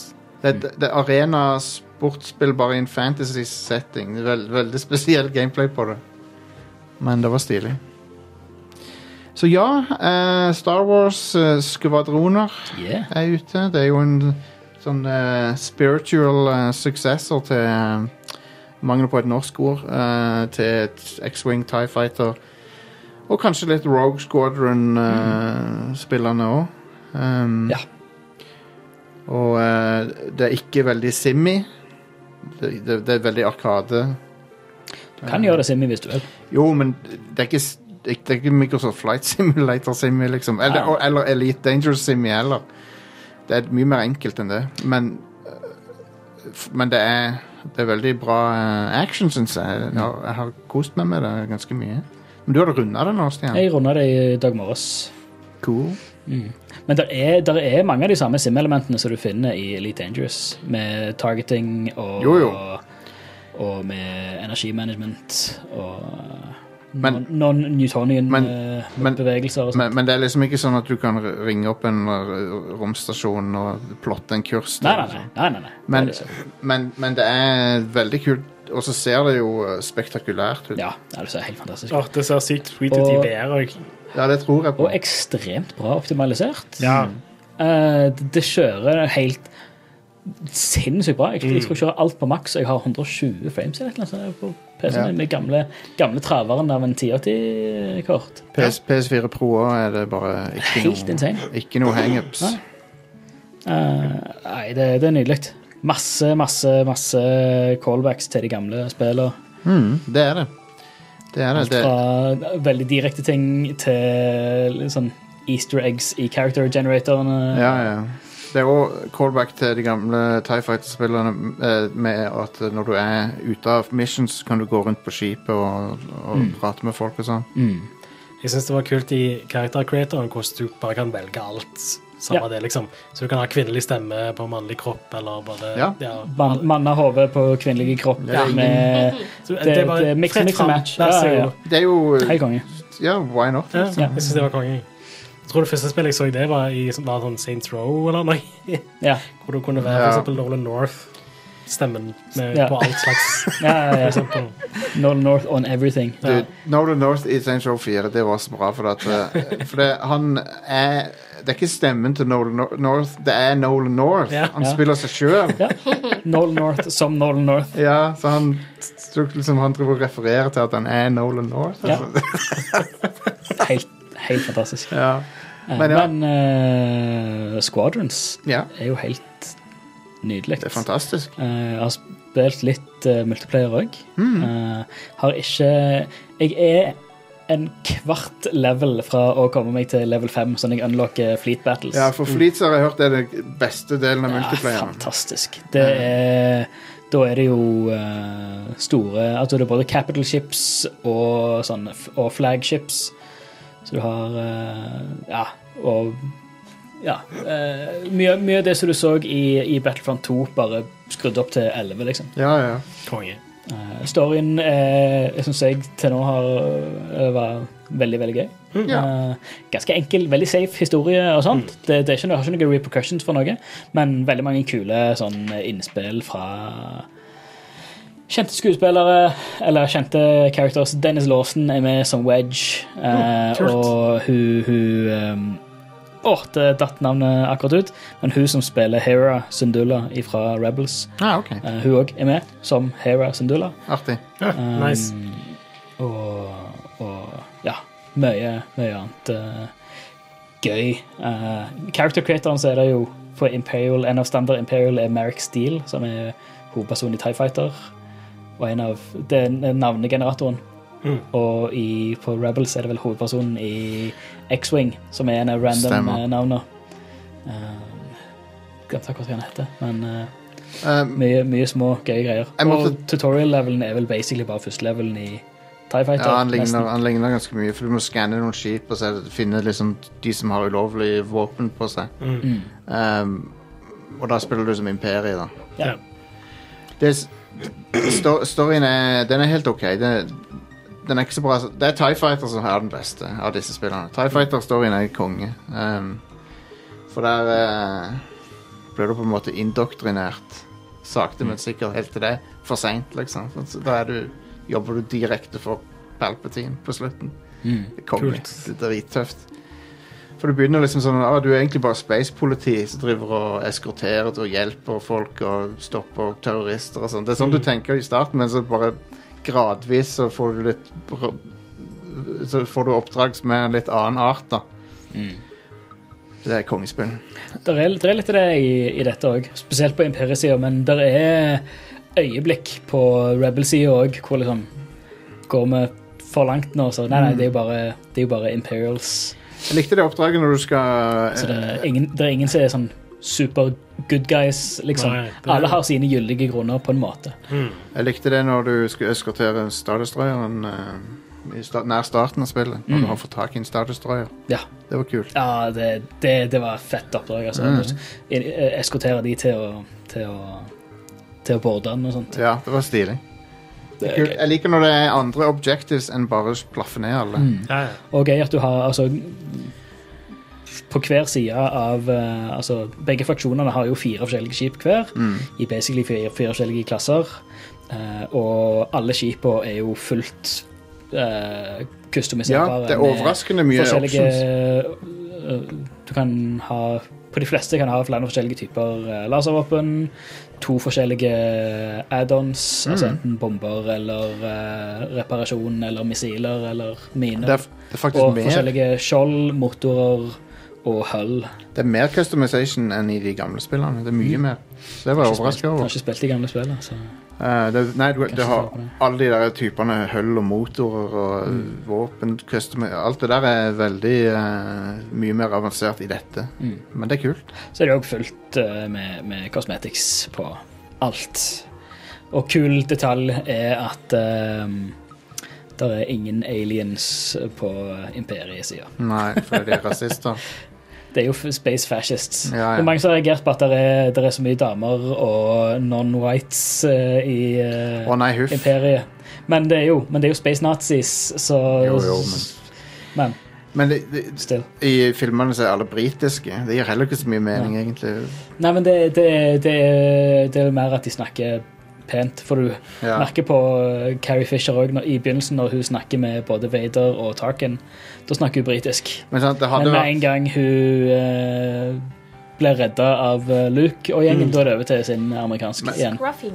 Men det hadde vært rart hvis eh, det bare var hvite på Imperiet. Sånn, i, I et Det er jo liksom. space fascists. Jo, jo, men det er så Jeg skjønner at de ikke kunne gjøre det, liksom. Det, det hadde vært litt weird. De, de, får, de får være uh, xenophobes, i i hvert fall. Ja. Og Ikke ha noe Være anti-alien, det, er- det, det er greit. Ja, det, det er innafor. Ja. Ja. De bruker aliens når det passer de til sånn bounty hunters og sånn. da. ja, og slavedrift og sånn. Ja. Men, uh, men nei, det er, jeg digger også spillet, Stian. Jeg Mm. det er jævlig kult. Jeg spiller det på min nye TV ja. i HDR, så det ser jo amazing ut. liksom bare Eksplosjonene våre liksom kom, popper ut av skjermen. ja. Nice. Dritkult. Jeg har hørt det skal være kult i VR. Ja, Are, du har testa i VR. Ja, jeg har bare spilt prologen, da. Ja. Jeg eh, brukte egentlig mer tid på å sette opp hotasen og sånt. Ja. Spille, spille, spille. Broren min spiller det i VR òg. Ja. Eh, det, er, det, er ganske, det funker dødsbra. Det er kjempe, rett og slett. Og det ser nydelig ut i Rift Destiny, i hvert fall. Ja. Uh, og um, Han Erik i Pressfire prøvde med PSVR, han sa det òg var dritbra. Så. ja, Ah, kult. Jeg ser for meg at der blir oppløsningen litt vel bås. Ja. Ja, det er jo lavere Ja, den oppløsning. er litt uh, trist. Ja, Ja. Men jeg ser for meg at uh, hvis, hvis du har PSVR, så er det jo vel verdt å prøve det. sånn sett. Det er sånn, Ja. ja, det, det, Denne type spill som dette egner seg best i VR, syns jeg. Eller komme- det er VR lagd for. Eh, han, Erik skrev, at- skrev at når du er i nærheten av en Star Destroyer, og sånn, så virker han mye større i VR. Det virker Mm. som, da virker det som scalen er riktig. Liksom, Ja, sånn at du, og så får du følelsen av at liksom, de flyr over det. Ja. Altså, VR er en opplevelse i seg sjøl. Mm.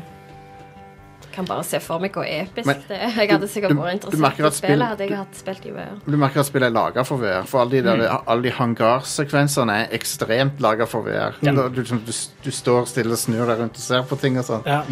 Eh, så det er jo Merker jo at det, det lag, spillet er laga for VR, egentlig.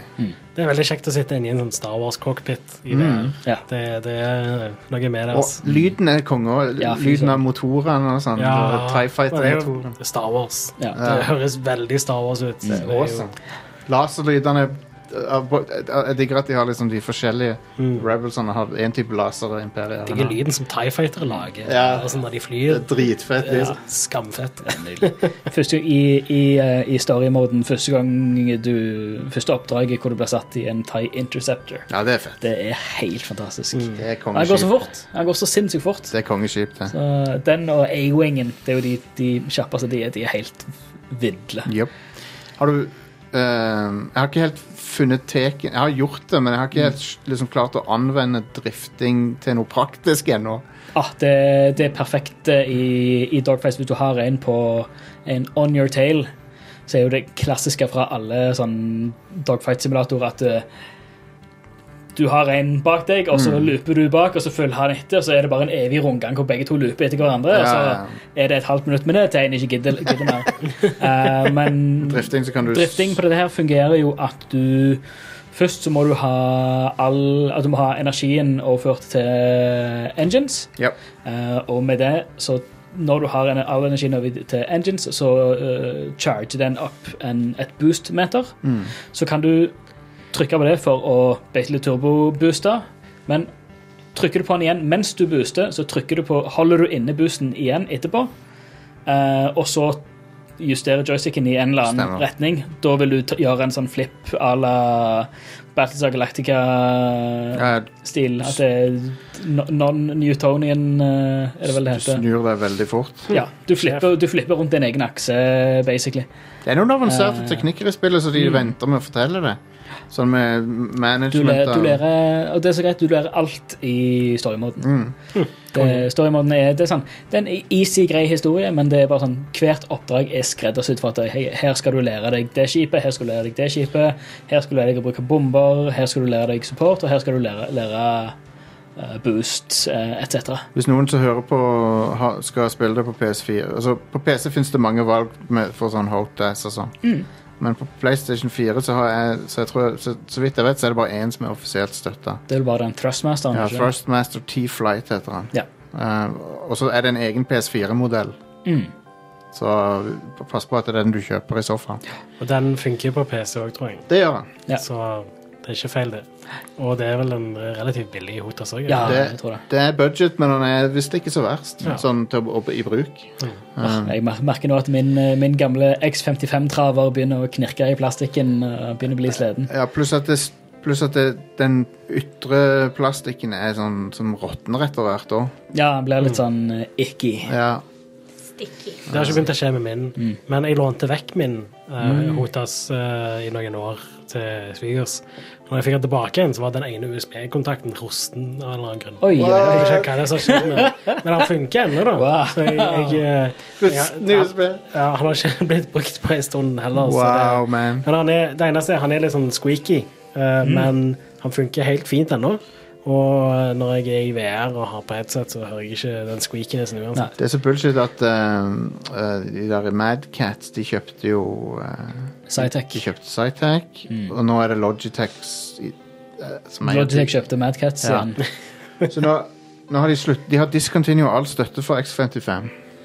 Ja, Eh, Det, det funker fint eh, i, eh, i Squadrons. Mm. Eneste er at eh, som med mange Hotas uh, jeg, så er det litt sånn problemer med mapping og Ja. sånt. altså, du må uansett remappe. Det må du med alle Ja. sånne Hotas. Det er alltid den mest frustrerende delen Ja. av er heldigvis- Hotas-spilling. Heldigvis mindre å mappe enn i Microsoft Flight Simulator, for der er det fuckings uh, en mil med ting du må mappe. Men det er sånn, når jeg skulle mappe Elite Dangerous, så satt jeg der og brukte en halvtime til en time på å mappe alt, liksom, og få Ja. det til å være det jeg skal være. Jeg endte opp med å bruke sånn cirka like lang tid på dette, da. eh, selv om det var mindre å mappe. Hva- Og det, jeg hadde ikke funnet ut av det hvis det ikke hadde vært for at du Ja, eh, ga meg er- løsninger på det ene problemet. sånt. er, er en liten bug eh, som jeg ser flere har, har kommet borti, og det er spesifikt til uh, Hva er det? Yaw left? Altså når Det er hvis du skal vri venstre. Du vrir, vrir stikka rundt sin egen akse til venstre. Altså det, det du bruker Det er alternativet til pedaler. Mm. Eh, akkurat til venstre, den vil ikke mappes. Oh. Uh, han, han registrerer det i spillet. Når du spiller, så registrerer han det. Hm. Men når du skal mappe den i settings, så registrerer han ikke den. Med mindre du drar ut USB-en til throttlen. så. Så jeg måtte liksom remappe i to omganger. Wow. Ja. Men en annen ting som jeg òg hadde litt problemer med, at det er en um, Den øverste option-menyen som er sånn contextual action Mm. og fire. Begge de to er mappa til knapp én. Trigger. Triggeren, ja. Oh. Hvis du unmapper Hvis du mapper noe annet til triggeren, for eksempel, fordi du trykker en gang for mye, eller noe, Mm. Eh, så kan du ikke mappe det igjen. Så Nei. da må du revert to default. Ah, Og da wiper du all mappingen du har gjort. wow. Det skjedde med meg to ganger. men- det var ganske frustrerende. For noe bullshit. Ja, oh, nei, jeg, jeg remapper aldri den, så jeg hadde ikke noe Hadde heldigvis ikke problemer. Men- jeg, eh, Men, men ja. re remapping av hoder er alltid Men kan jeg- et ork. Men tilbake til Squadrons. Det som jeg også liker inni cockpiten, er at eh, det noe, spillet har ikke noe HUD. Det er ikke HUD i spillet. Det Nei, er, sitter det er instrument, instrumentene. Ja. Der er, der, er, HUD, men du får valg med å skru det av. Oh, ja, ok. Ja. Men, eh, det, for, du men du leser jo alt du trenger på instrumentene i skipet. Ja, Du leser ikke hva, hvem du har targeta, og Nei, det er sant. Nei, nei. objectives, hvem som snakker. Nei, sånt. Nei, nei. sånt. Det, det er sant. Det, det er sant. Um, Det kan du velge å skru av, men du kan, du kan fly 100 etter radaren. jeg liker også nei, jeg liker også de små detaljene med at når du begynner en level, så, så liksom drar de hansken litt sånn rett før de tar, drar med hansken og flekser litt. Og, ja. knekker eh, knok knoklene litt og sånn. Det er kult. Små, små detaljer som er helt fantastiske. Ja. Det er utrolig pent spill. Det er overraskende hvor bra grafikk det er. For jeg har, jeg har på feelingen at det er litt sånn budget-spill på en måte. De selger det jo billigere òg. Ja. Og så er det kun singleplayer, eller det er multiplayer, men det er ikke noe sånn eh, Games as a Service-greier rundt det. Ikke noe bullshit. Ingen mikrotransaksjoner. Ja. Herlig. Ingenting sånn. Alt cosmetics går på sånn Så er det et EA-spill. på uh, multiplayer-poeng-currency. currency. Du tjener hva du, du, du tjener 200 credits eh, på en multiplayer-omgang. Mm. Uh, og du bruker det til å kjøpe cosmetics.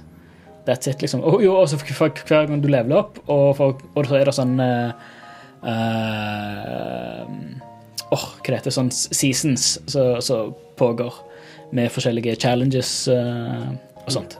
Yep. Uh, sånn som jeg hadde en med, nettopp med Som hvis du er en X-Wing eller Tie Fighter, ta og skyte ned ti fiendtlige skip Mm. Mm. eh, i multiplayer.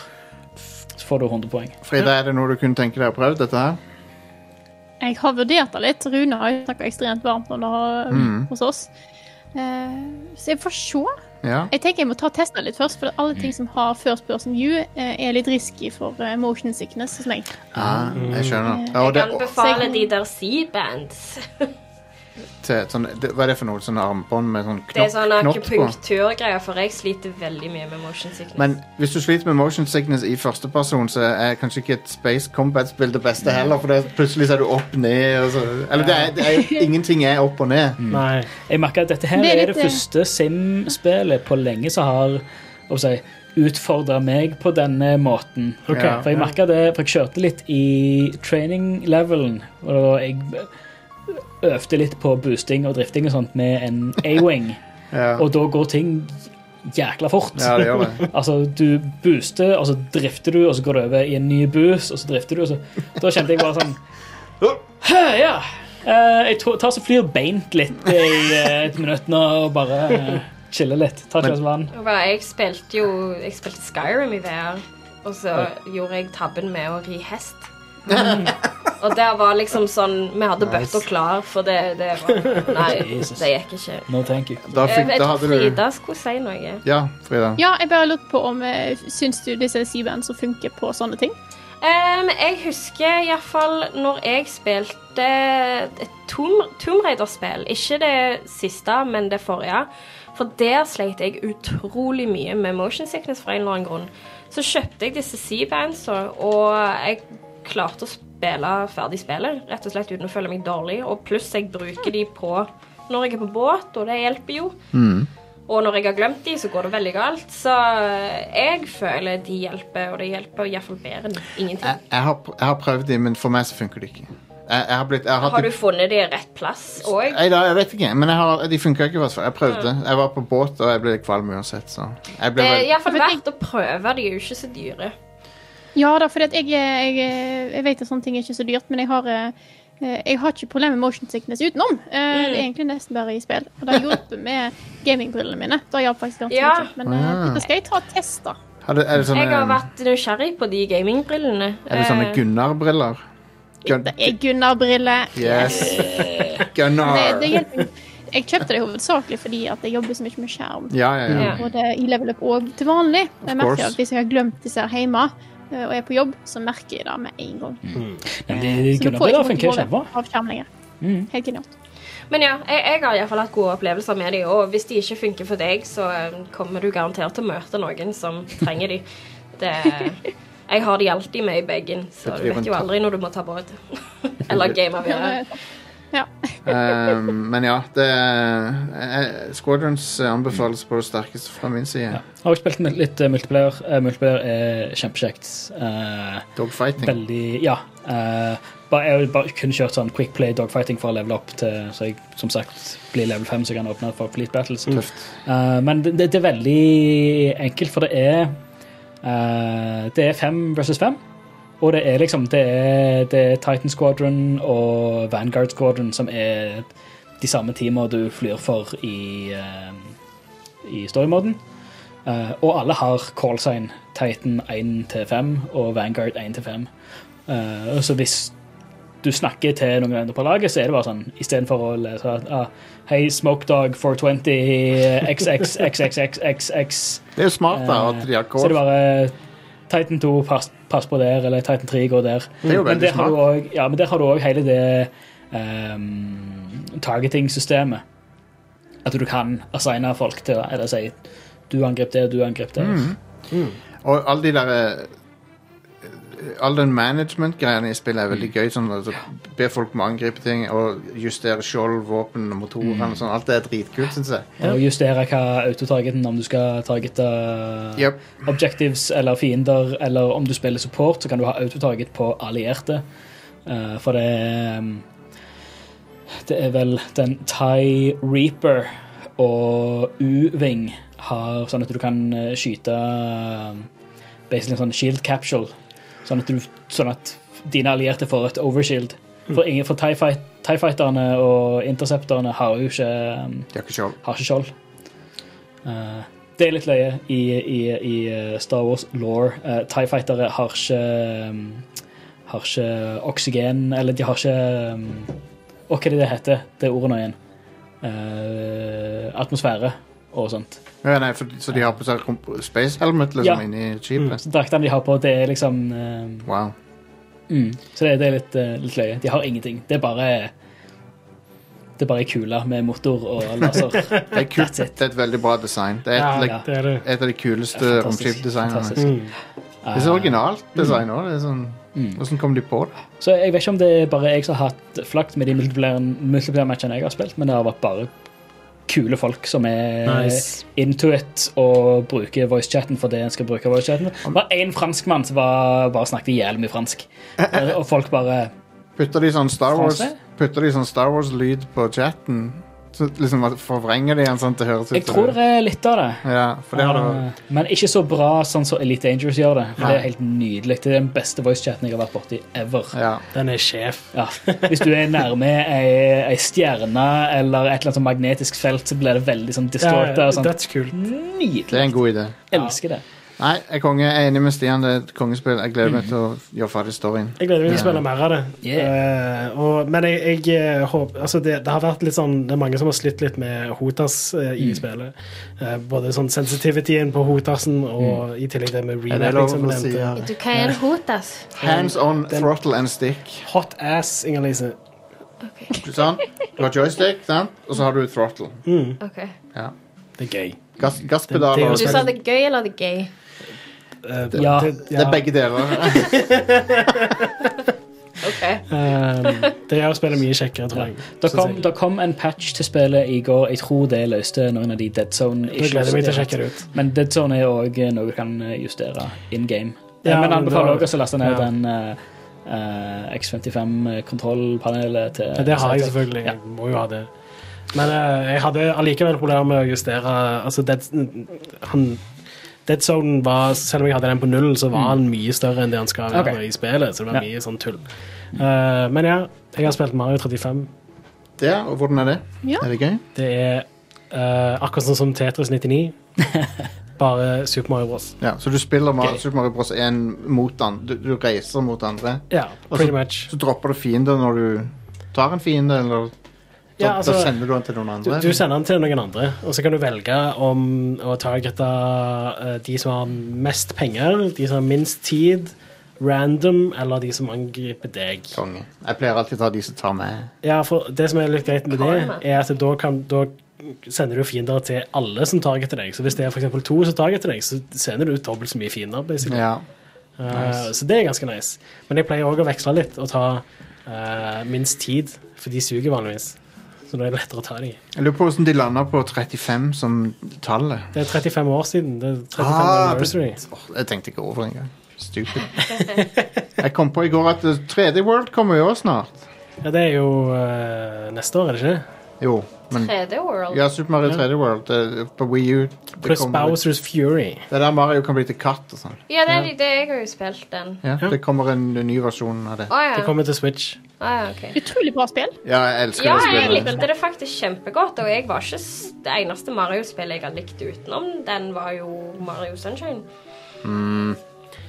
Ja, jeg har spilt det òg i det siste. Det spiller jeg likte ikke det så godt, og, det, og gjensynet med Sunshine har, har ikke vært så positivt for meg. Jeg, det er ikke dårlig spilt. Alle Mario-spill er bra, men det, jeg har noen issues med Sunshine. Det, det er et eller annet med det.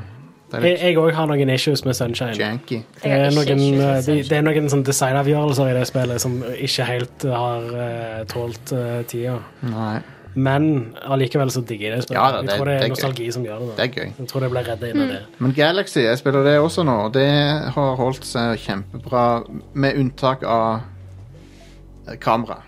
Som, som jeg, jeg skulle ønske at kameraet var helt analogt å styre. Du syns det? For, for i, i um, Altså, stort sett så fungerer kameraet bra, men når du kan rotere det, så roterer du det sånn 25% om gangen. Sånn som du gjør i 64. Sant? Å ja. I, Det- I Galaxy? Ja, Å ja. det er Jeg litt syns den annoying. autofunksjonen er god nok, så det, det er liksom Jeg er enig. sjelden- Enig i at det automatiske kameraet Det er et av de beste som er laga Det spillet var jo designa for en kontroller som ikke hadde en høyre analogspak. Ja, ja, ja. Så måten du styrte kameraet på på Wii, var å trykke på D-paden. Stemmer. Er det derfor? Åh, wow. Gross. Ja. Men du trenger ikke kam Du trenger ikke styre på kameraet noe særlig. Okay. Det er bare en uvane jeg har siden det, du har spilt så mange moderne spill, sant? og så tenker du å, jeg må, jeg må ha tommelen på der. Ja, For det er litt det problemet. Jeg har ikke prøvd Galaxy ennå. Tingen er at Jeg har lyst til å gjøre meg ferdig med Jeg har gjort meg ferdig med Mario 64. Ja. Jeg har tatt uh, jeg, Det eneste jeg har ikke tatt alle de der 100 mynter eh, i hver level-stjernene. Nei. og så mangler jeg noen uh, Castle Secret Star som jeg ikke bryr meg om. Ja. Eh, så nå har jeg begynt på Sunshine. Men jeg har ikke lyst til å spille Galaxy før jeg er ferdig med Sunshine og 64. Fordi det å gå tilbake til Sunshine, for eksempel, ville vært vondt, tror jeg. Yeah. Crash Bandicoot er tilbake med, med et nytt spill. Det fjerde Crash Bandicoot-spillet. Ja, og det er noe de gjør mye nær av i spillet òg. Er det ja. At det, Ja, ja. at det Jeg tror fire, det var men en kommentar fra han Neo Cortex bare "Oh, Do we have to do this again? Så nei, det er veldig kjekt. Det er utrolig fint. Pent. Musikken er bra. Det er veldig vanskelig til tider. Eh, Jeg har måttet lagt ifra meg gamer-OCD-en min. Ja, det er bra. For, Det er eh, sunt, det er sunt å legge det fra seg. Ja, Ja. for eh, ellers hadde jeg bare gone insane. Um, ja.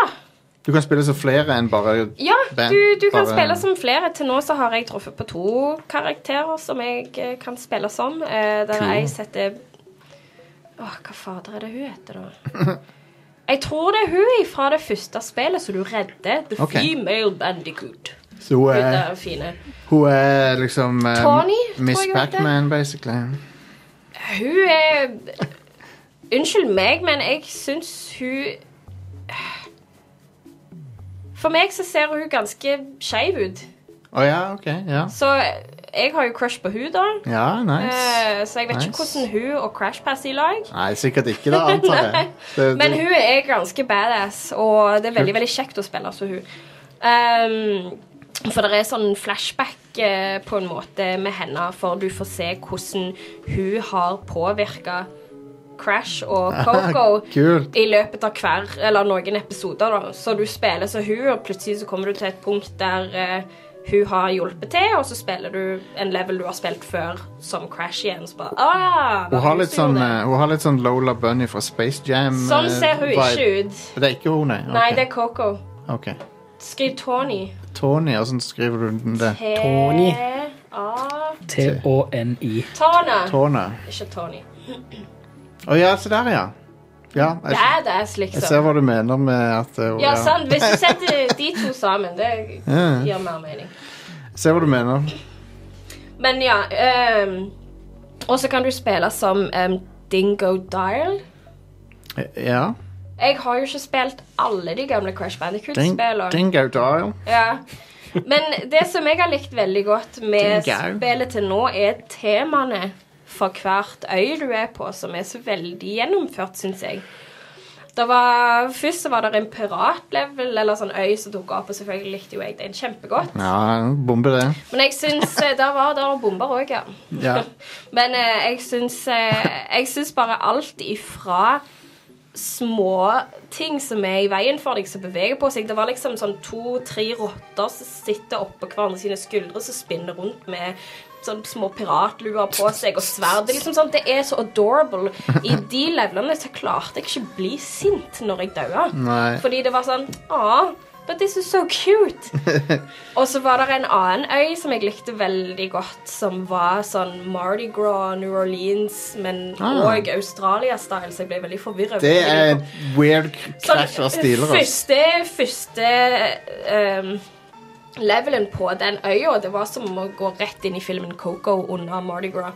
så det var sånn so confusing hva det de vil fram til. Men der var det skikkelig bra sånn bluesmusikk og sånt òg. Det var veldig funky og veldig kult. Nice. Og der igjen klarte ikke jeg bli sint når jeg daua, for det var liksom, jeg ble bare så Wow, dette her ser så bra ut, og det er så genialt med disse tingene de har kommet fram til.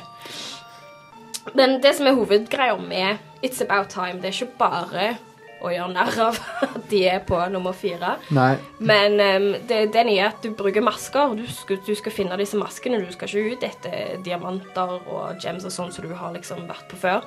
Nå skal vi finne masker. Og disse maskene For det er faktisk en helt ny skurk, tror jeg. Som sagt, jeg har ikke spilt alle Crash-spillene, så jeg er litt usikker. Men um, det er en bad, new bad guy over Cortex, da. Og så har du disse maskene, da. Og når maskene dukker opp i levelen, så gjør de forskjellige ting. Ah, Så den første tror jeg gjør at du kan warpe mellom eh, en dimensjon og en annen. wow. Sånn at du har noen esker er synlig der, og noen Ah, esker er synlig der. ah, okay. Det er veldig, For min del så minte det meg veldig om Prince of Persia, faktisk. Det der Prince of Persia 4. Mm. Skjønner. Ene Giana Sister-spiller har også den gimmicken, tror jeg. Ja, så, så det var jo ganske kult. Og så har du ei annen maske som Å, Åh, hva er det den gjør for noe? Gjør at du spinner hele veien, og så kan du på en måte komme deg lengre med du spinner, for du på en måte flyr litt. Sånn helikoptereffekt. Cool. Og den maska som jeg plukket opp i går kveld, den gjør at du kan gjøre tida litt saktere. Så den hjalp meg med en bossfight som jeg spilte i dag. Selv om jeg daua 81 ganger. Så det er ganske vanskelig til tider. Ja, så, sånn er jo de spillene. Jeg husker når jeg spilte toeren. Uh, Det er bare min egen feil. dør så mye. Så det, det er ikke spillene, det er meg. Men du liker det? Jeg liker det veldig godt. Jeg, for, for greia var jo når den Insane Trilogy kom ut, så var jeg gira over første spillet. Og så brydde jeg meg egentlig ganske lite om de andre to. Mens med dette her så er jeg liksom sånn Jeg er med. Dette her er gøy, liksom. Dette er kult. Jeg er gleder meg for hver er jo, øy til å se hva de kommer på. Men liksom det er jo laga av de folkene som lagde Insane uh, Trilogy. Nei, det er lagd av Toys for Bob. det er det. Er det ikke det? Nei. Toys for Bob, samme folk som har lagt Er, Spyro. er det Toys for Bob? De har Ja. også laget uh, Skylanders. Ja, Skylanders Stemmer. var det, ja. ja. For det er masse Spyro-ting her og der. Ja. Som, Insane Trilogy var lagd av Vicarious Visions. ah Ja. ja, ok. Ja. De, burde, de burde ha laga Super Mario 3D Allstar. Så. ja. Men det som jeg, fint. Ja. med sånn Spyro-referanser så har det vært alt ifra sånn bamser til en svær sånn festivalballong i New Orleans. Og så det som var en litt kul en som jeg la merke til i går, er at du skal liksom Sånn så klassisk at du kunne bruke en isbjørn til å liksom gå ned ved en snøbakke. Så du gjør det mot han eh, Neo, da, og så Og så sier han Han ler, og så ler han sånn ha-ha-ha, og det er Spyro. Ah. For der kommer det Der var det liksom disse her små sånne sniglene som du fulgte etter, som sier det, og jeg bare sånn Å, har hatt så kult! uh, nei, men så jeg, jeg det, det er gøy, og det er veldig, veldig utfordrende. Og Jeg ser veldig frem til å Jeg har veldig lyst til å spille det òg, for eh, jeg, jeg, jeg, jeg likte toeren når jeg spilte det Mm. for lenge, lenge siden, men så har jeg liksom aldri spilt noe mer. Men så får jo dette her veldig bra omtale, så Og de, de har holdt humoren òg, og bare gjort det hakket løgnere. For så, sånn, når jeg var liten, så syntes jeg det var dritløye, men spilte jeg en Sane Trilogy, så var det sånn he-he. Mens med dette her så ler jeg faktisk, for det er liksom bare sånn Oh my god, det er så stupid, eller det er så søtt, ja, de har eller opp, oppdatert humoren litt. Så jeg er faktisk invested i historien nå. så gøy. Nice. Og så er det så, så du har de vanlige levelene der du kan spille som Crash eller Coco. Um, og så Jeg mener jo heter Coco. Og så um, har du disse her tårna og Dingo Dryle, så du kan gå tilbake til og sjekke. Ja. Og så var der, um, Og så er det tapes som du kan samle på, som gjør at du kan spille gamle eh, Gamle leveler fra de gamle spillene. Og da er det spesielt utvalgte Var det Neocortex som hadde sånne d- Når han hadde bandicooten inn i um, fengsla, skulle jeg til å si, Ja, ja. så gjorde han sånne um, eksperimenter med han, da. Med sånn Du skal komme deg gjennom den levelen. Så de levelene er sånn rewind-leveler, da. Okay. Så det, det føler jeg knytter seg litt inn i historien. Jeg skal ikke si noe mer om historien. Men, eh, og, og så var det så sykt løye på den Diggo Dial-øya. så var det, det var så kult, for det, var, det kom en sånn food truck. For Dingo Dial, han, han har en Ja, for han har jo en restaurant. Og så skjer det noe med den. Og så midt i en level med når jeg spiller som Crash, så kommer det en sånn food truck. Og jeg bare, hva skjer med dette her? Det er en armadillo som driver og kjører og jeg bare, herregud, så søtt. og så bare går jeg opp på um, taket på den, og så bare kjører han, og plutselig så stopper han, og så står han og peker, og jeg bare sånn, ok, så er det en svær vegg med bare sånn TNT. Så hopper jeg på han, så hopper jeg tilbake igjen, så sprenger det, og så kjører han videre, liksom. Så du skal på en måte åpne veiene for han da. Men hvis du dauer For liksom mens han kjører, så driver han og liksom eh, rører i et eller annet som han holder på å lage i foodtrucken sin. Og hvis du dauer, så tar han eh, skeia si, bare slenger den ut av vinduet og bare Åh, Nei! så det er sånn Kult. Det er sånne, sånne øyeblikk som det som bare gjør at jeg bare Oh my god, dette er søtt. Det er sprøtt. Activision har gitt ut to ting som er så bra i år. Dette Det, det er litt sprøtt at både EA og Activision har begynt å skjerpe seg og levere bra spill. og sånt. Ja, ja. Hva skjer med det?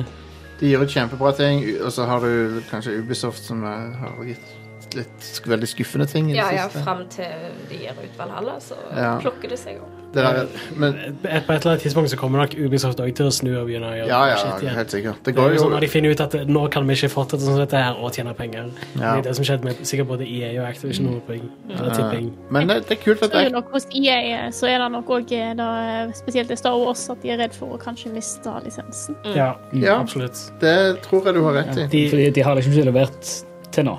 Nei, Nei, de- det, det er jo, eller, Nei. nå har de endelig begynt å levere, Nei, men Je- fram til Jedi Fallen Order så Ja. var det jo Hva, hva hadde Det de? bare bås. De hadde Battlefront 2. Battlefront-greiene er så skuffende. Det gikk, de gikk, altså med Battlefront så gikk det bra til slutt, Ja. men, Ja, men det var opp, det var skaden var allerede skjedd. altså. Nei, Disney var nok ikke så veldig glad for det. Nope. Eh, Men Frida, hva er ditt forhold til Crash Bandicoot? PlayStation 1 er, er en konsoll, og, og egentlig langt ut i PlayStation 2 var liksom konsoller som ikke vi hadde hjemme, men jeg hadde venner som hadde det. Ja, ja. Men de hadde heller ikke eh, Crash Bandicoot. Det er liksom en serie som jeg mista litt ut, men jeg har, har testa det innimellom. Men du var Nintendo 64, du, eller eh? Hva er det du hadde hjemme? Nei, eh, eller jo, altså Jeg hoppa jo rett fra eh, Super Nintendo til GameCube, jeg. Ja, Med, ja. med Gameboy i mellomtida. ja, men det er ikke dumt. Eh, men eh, da jeg synes Når jeg hører at det er så mye, jeg hører så mye positivt om, eh, om det spillet her, Mm. så blir jeg alltid litt sånn Jeg blir alltid litt glad når jeg vet det er serier som, som mange er så glad i. Mm. Eh, når det da kommer nye spill, og de er gode. Mm, Da liksom syns jeg er litt hyggelig. det er veldig På andre trivelig. sine vegne. Ja, nei, jeg er jeg, jeg liker det bedre enn jeg trodde jeg skulle. Jeg trodde jeg skulle kose meg, men jeg trodde liksom ikke jeg skulle sitte med det latteren og ah, og sånne ting. Så jeg, jeg er veldig, veldig positivt, og jeg liker veldig godt at de tuller med liksom åh, dette er fjerde gangen jeg dreper deg nå, skal vi ikke bare bli venner, liksom? Hva er det som skjer? Sånn, jeg liker at de gjør, gjør det litt sånn. Så det Det var det i, um, i Banjo Kazoo, Nuts and Bolts så hadde de masse metahumor. Der det var sånn På begynnelsen av spillet så er Banjo han er blitt veldig overvektig, for han har ikke gjort noe på evigheter. Og så gjør de narr av at de spillene har vært sånne collectathons, med at det liksom han, du får i oppdrag å kollekte så og så mange noter, og så er det, men så er de bare i én rett rad foran deg. Så Ja, går du nice. bare sånn du går, går og plukker de opp. Sånn. sånn er det litt funny. Men ja. Men det er jo Dette er vel originalt eh, Altså serien var vel originalt Naughty Dog, var det ikke det? ja. Stemmer det. Så det er jo kult å se at på en måte, nå når det er et nytt selskap Ja. som, Kan som blåse prøver liv se i det, liksom. Men dette her er jo altså det, uh, Naughty Dog lagde de tre første, og så lagde de vel det der racingspillet på PlayStation. Crash. Team Crash Team Racing. Racing. Men etter det så var det en annen utvikler som tok over, så gikk Naughty Dog og lagde Jack and Daxter og sånt. Binox eller noe sånt noe. Sikkert. I don't know.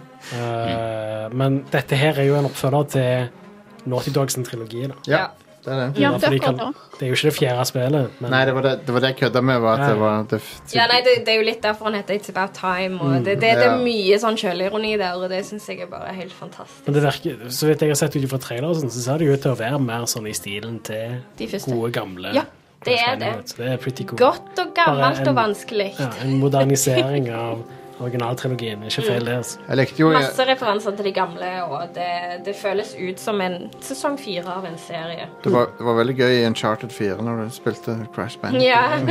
Midt inni Det var et veldig koselig øyeblikk. Ja, det var det. sånn, ja.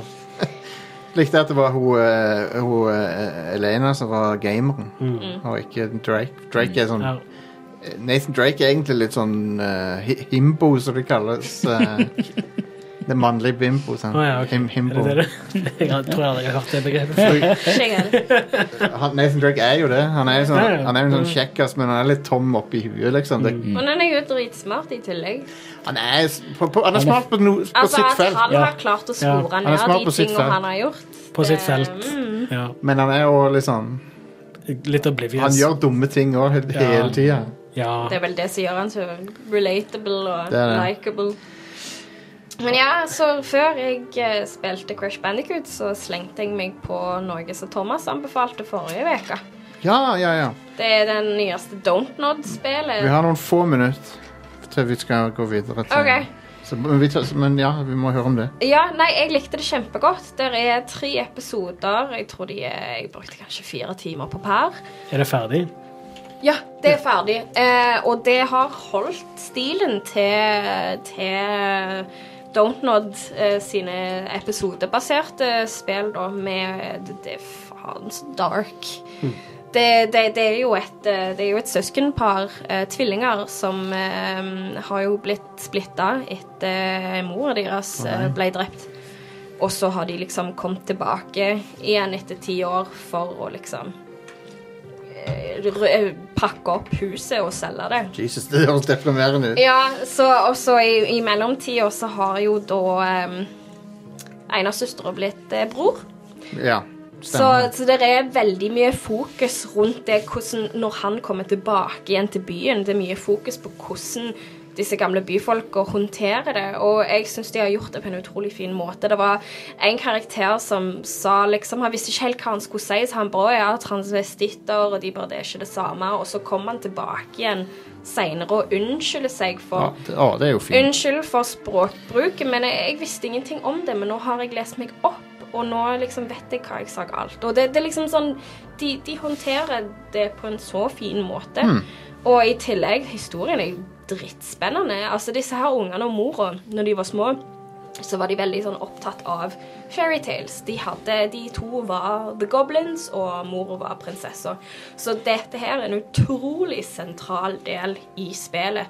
Kult. Så det er bare å finne ut mer og mer for hver ja, episode som går. Det, det ble sykt dark, og det ble fint, og det ble trist, og jeg likte det kjempegodt. Ja. Og det, det er ikke noe tenåringsgreier i det hele tatt, så det er veldig annerledes fra de andre to på den måten. Jeg, jeg skal definitivt spille um, Det er på det der Xbox-tjenesten, så jeg betalte en Pass. tier. GamePass, Game takk. Så jeg har, jeg har jo PC-gamepass, og der er det vel òg?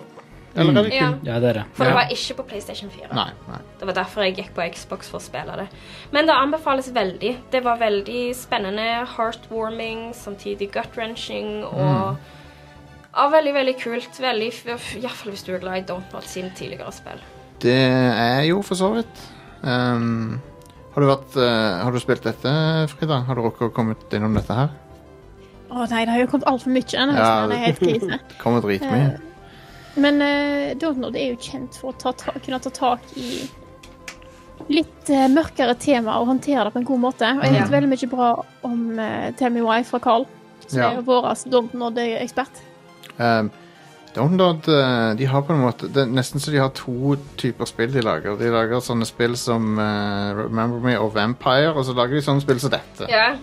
Ja. Det er jo litt sånn uh, Remember Me-vibes i Tell Me Why med at du kan på en måte For du går rundt og husker ting. For de er jo tvillinger, så da har de på en måte en delt tvillingkraft, som Ja, ja. de kaller The Voice.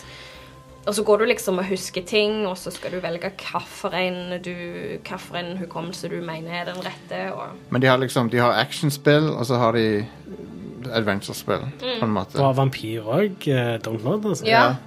Det likte jeg kjempegodt. Da skal du drive og uh, Du er en vampyr som har sånne der, eh, moralske eh, Etiske issues med å være vampyr. Så det er sånn Og det som er så kult med det, er hvis du velger å være sånn moralt god, så blir det vanskeligere for deg, men jo mer liv du tar som vampyr, så blir spillet lettere. ja.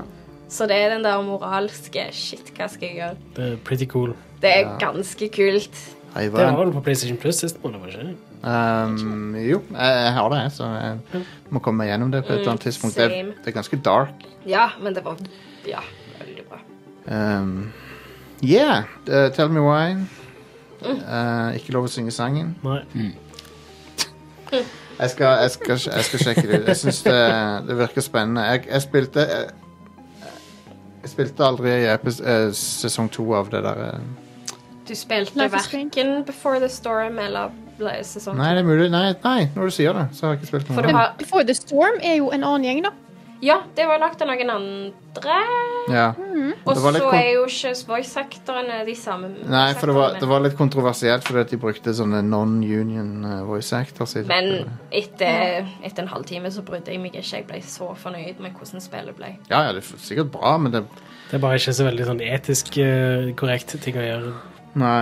De byt, fordi det var streik, så bare valgte de noen, noen andre, liksom. Ja. Um, Herregud. Det, Men det var veldig bra. Det var, ja, ja, det spillet er sikkert bra. All right, vi begynner å nærme oss slutten her. Ja, eh, før vi avslutter, kan jeg nevne The Summit Ja.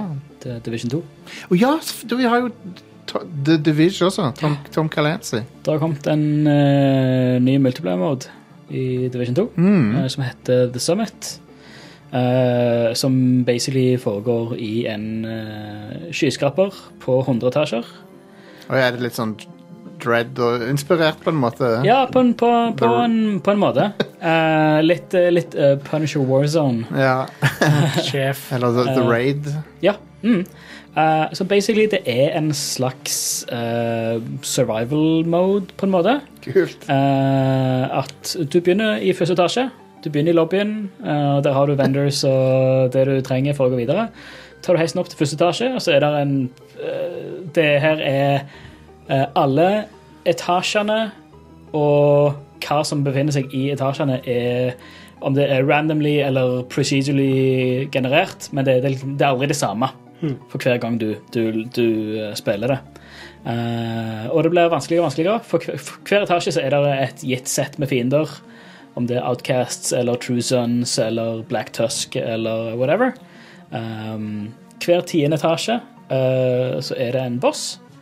Eh, som òg fører til altså, Og de neste ti blir en økt vanskelighetsgrad. Nice. Så du begynner på normal, og så blir det hard, og så blir det challenging, og så er det ti vanskelighetsgra- vanskelighetsgrader opp. Uh, så det blir pisse vanskelig. Uh, men så kommer det òg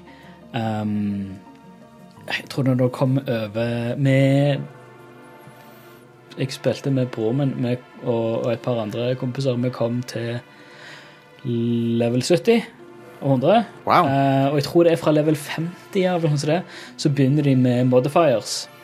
Uh, for hver etasje så er det uh, randomly generert modifiers. Wow. Eh, og det kan være alt ifra um, eh, at det er Fog of War, eh, at um, eh, eh, um, det er noe som heter Ammo Hoarder.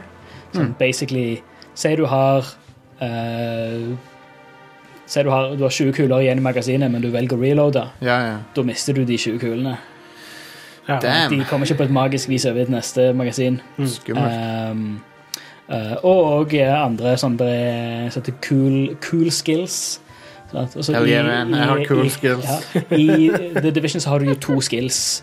Uh, sånn drone eller uh, eh, sånn pulse du kan sende ut. Sånn som det. Mm. Men eh, cool skills betyr at du kan kun ha én aktive om gangen. Så Ja, når du okay. bru- bruker den ene, og så bruker du da den andre, så blir den første satt i cooldown med en gang. Mm. Eh, så du må tenke at hvis du har både en Wow. healing item og et offensive item, så kan du ikke bruke begge på likt. Så du må tenke litt der. Um, nice. det blir sinnssykt vanskelig. Um, spesielt for det er noen etasjer hvor det er sånn rogue agents, og de bruker jo sine skills mot deg.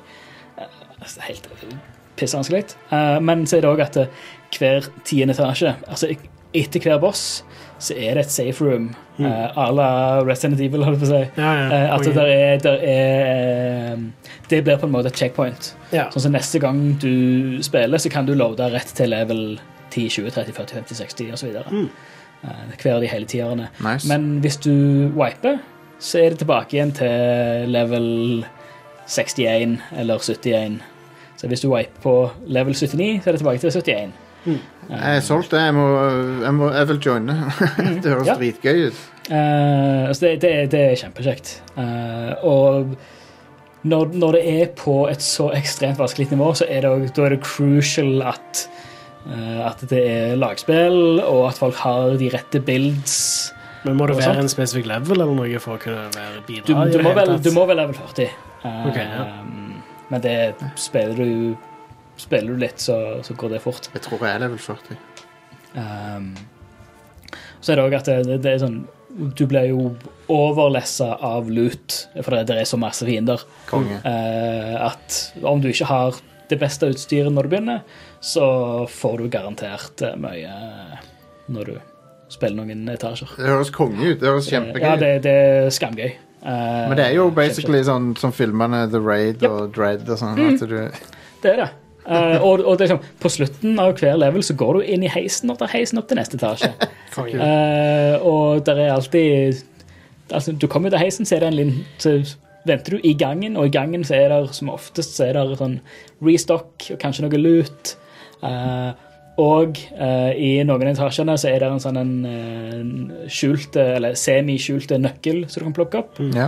eh, som åpner sånne store lutekiste i noen hem, er hemmelige rom. En sånn rom som du må skyte sånn hengelås eh, på. Så ikke er like åpenbare alltid. I hvert fall ikke Cool. hvis du prøver å skynde deg litt og rushe litt. Og sånn. Men dette Dette joiner jeg på anytime. Det, så vidt jeg vet, det er- det er en gratis update. Uh, det er kjempe, kjempekjekt. Awesome. An, anbefales. Awesome. Uh, men da begynner vi å runde av for denne uka. Um, Vi uh, er en familie av podcaster. Radcrew Neon er en annen. en. Den kommer på lørdag. Da skal vi snakke litt om horrorfilmer, og da har vi med oss eh, Chris Erik fra Attack of the Killer Cast, som er en av våre søstershow, kan du vel si. En partnershow. Som du også finner på radcrew.net. Både en partner og en søster. Det er det. det vi er fra sør... Vi er fra Alabama. Sør, sør, sørfylkene. ja. Hør ban Banjo-musikk i bakgrunnen. Yes. Det er sånn vi gjør det på Jæren. yes. Nei, det er det ikke. Fri, Frida, uh, har du noe mer på hjertet? Du, du vil jo, jeg regner med kanskje du vil si litt om eh, hvor folk kan finne det? Det kan jeg gjøre. Jeg er på de fleste plattformer. Eh, sosiale medier bruker jeg sånn greit nok. Den jeg bruker mest, er kanskje Twitter. Eh, Ja.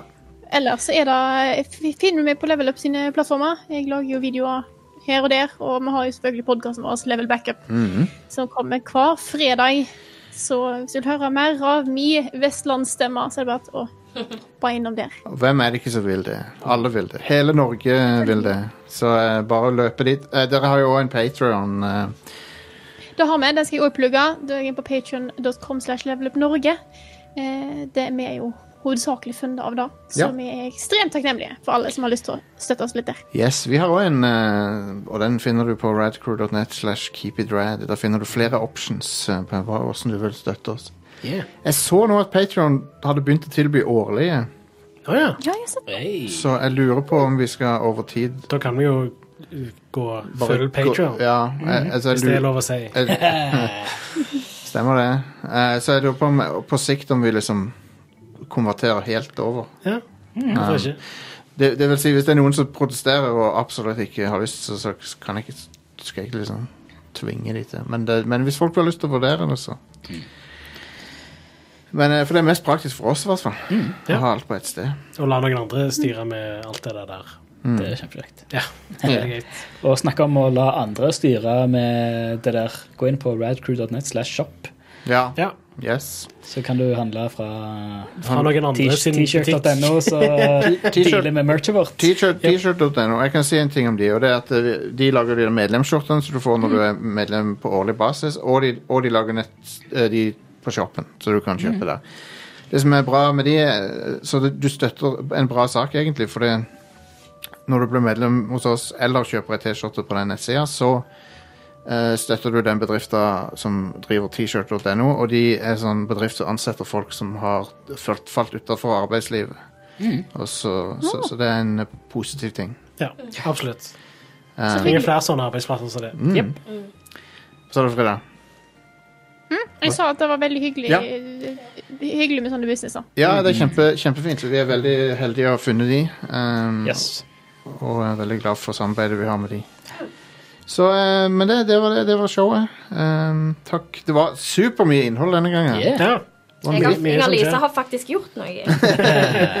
alle har jo spilt noe. Vi har fantastisk mange spill som vi har omtalt. Kongedekning av det, og kongegjest. Og jeg er kjempefornøyd. Veldig bra. Da er vi tilbake neste uke, folkens. Eh, snakkes. Ha det. hei da. Snakkes.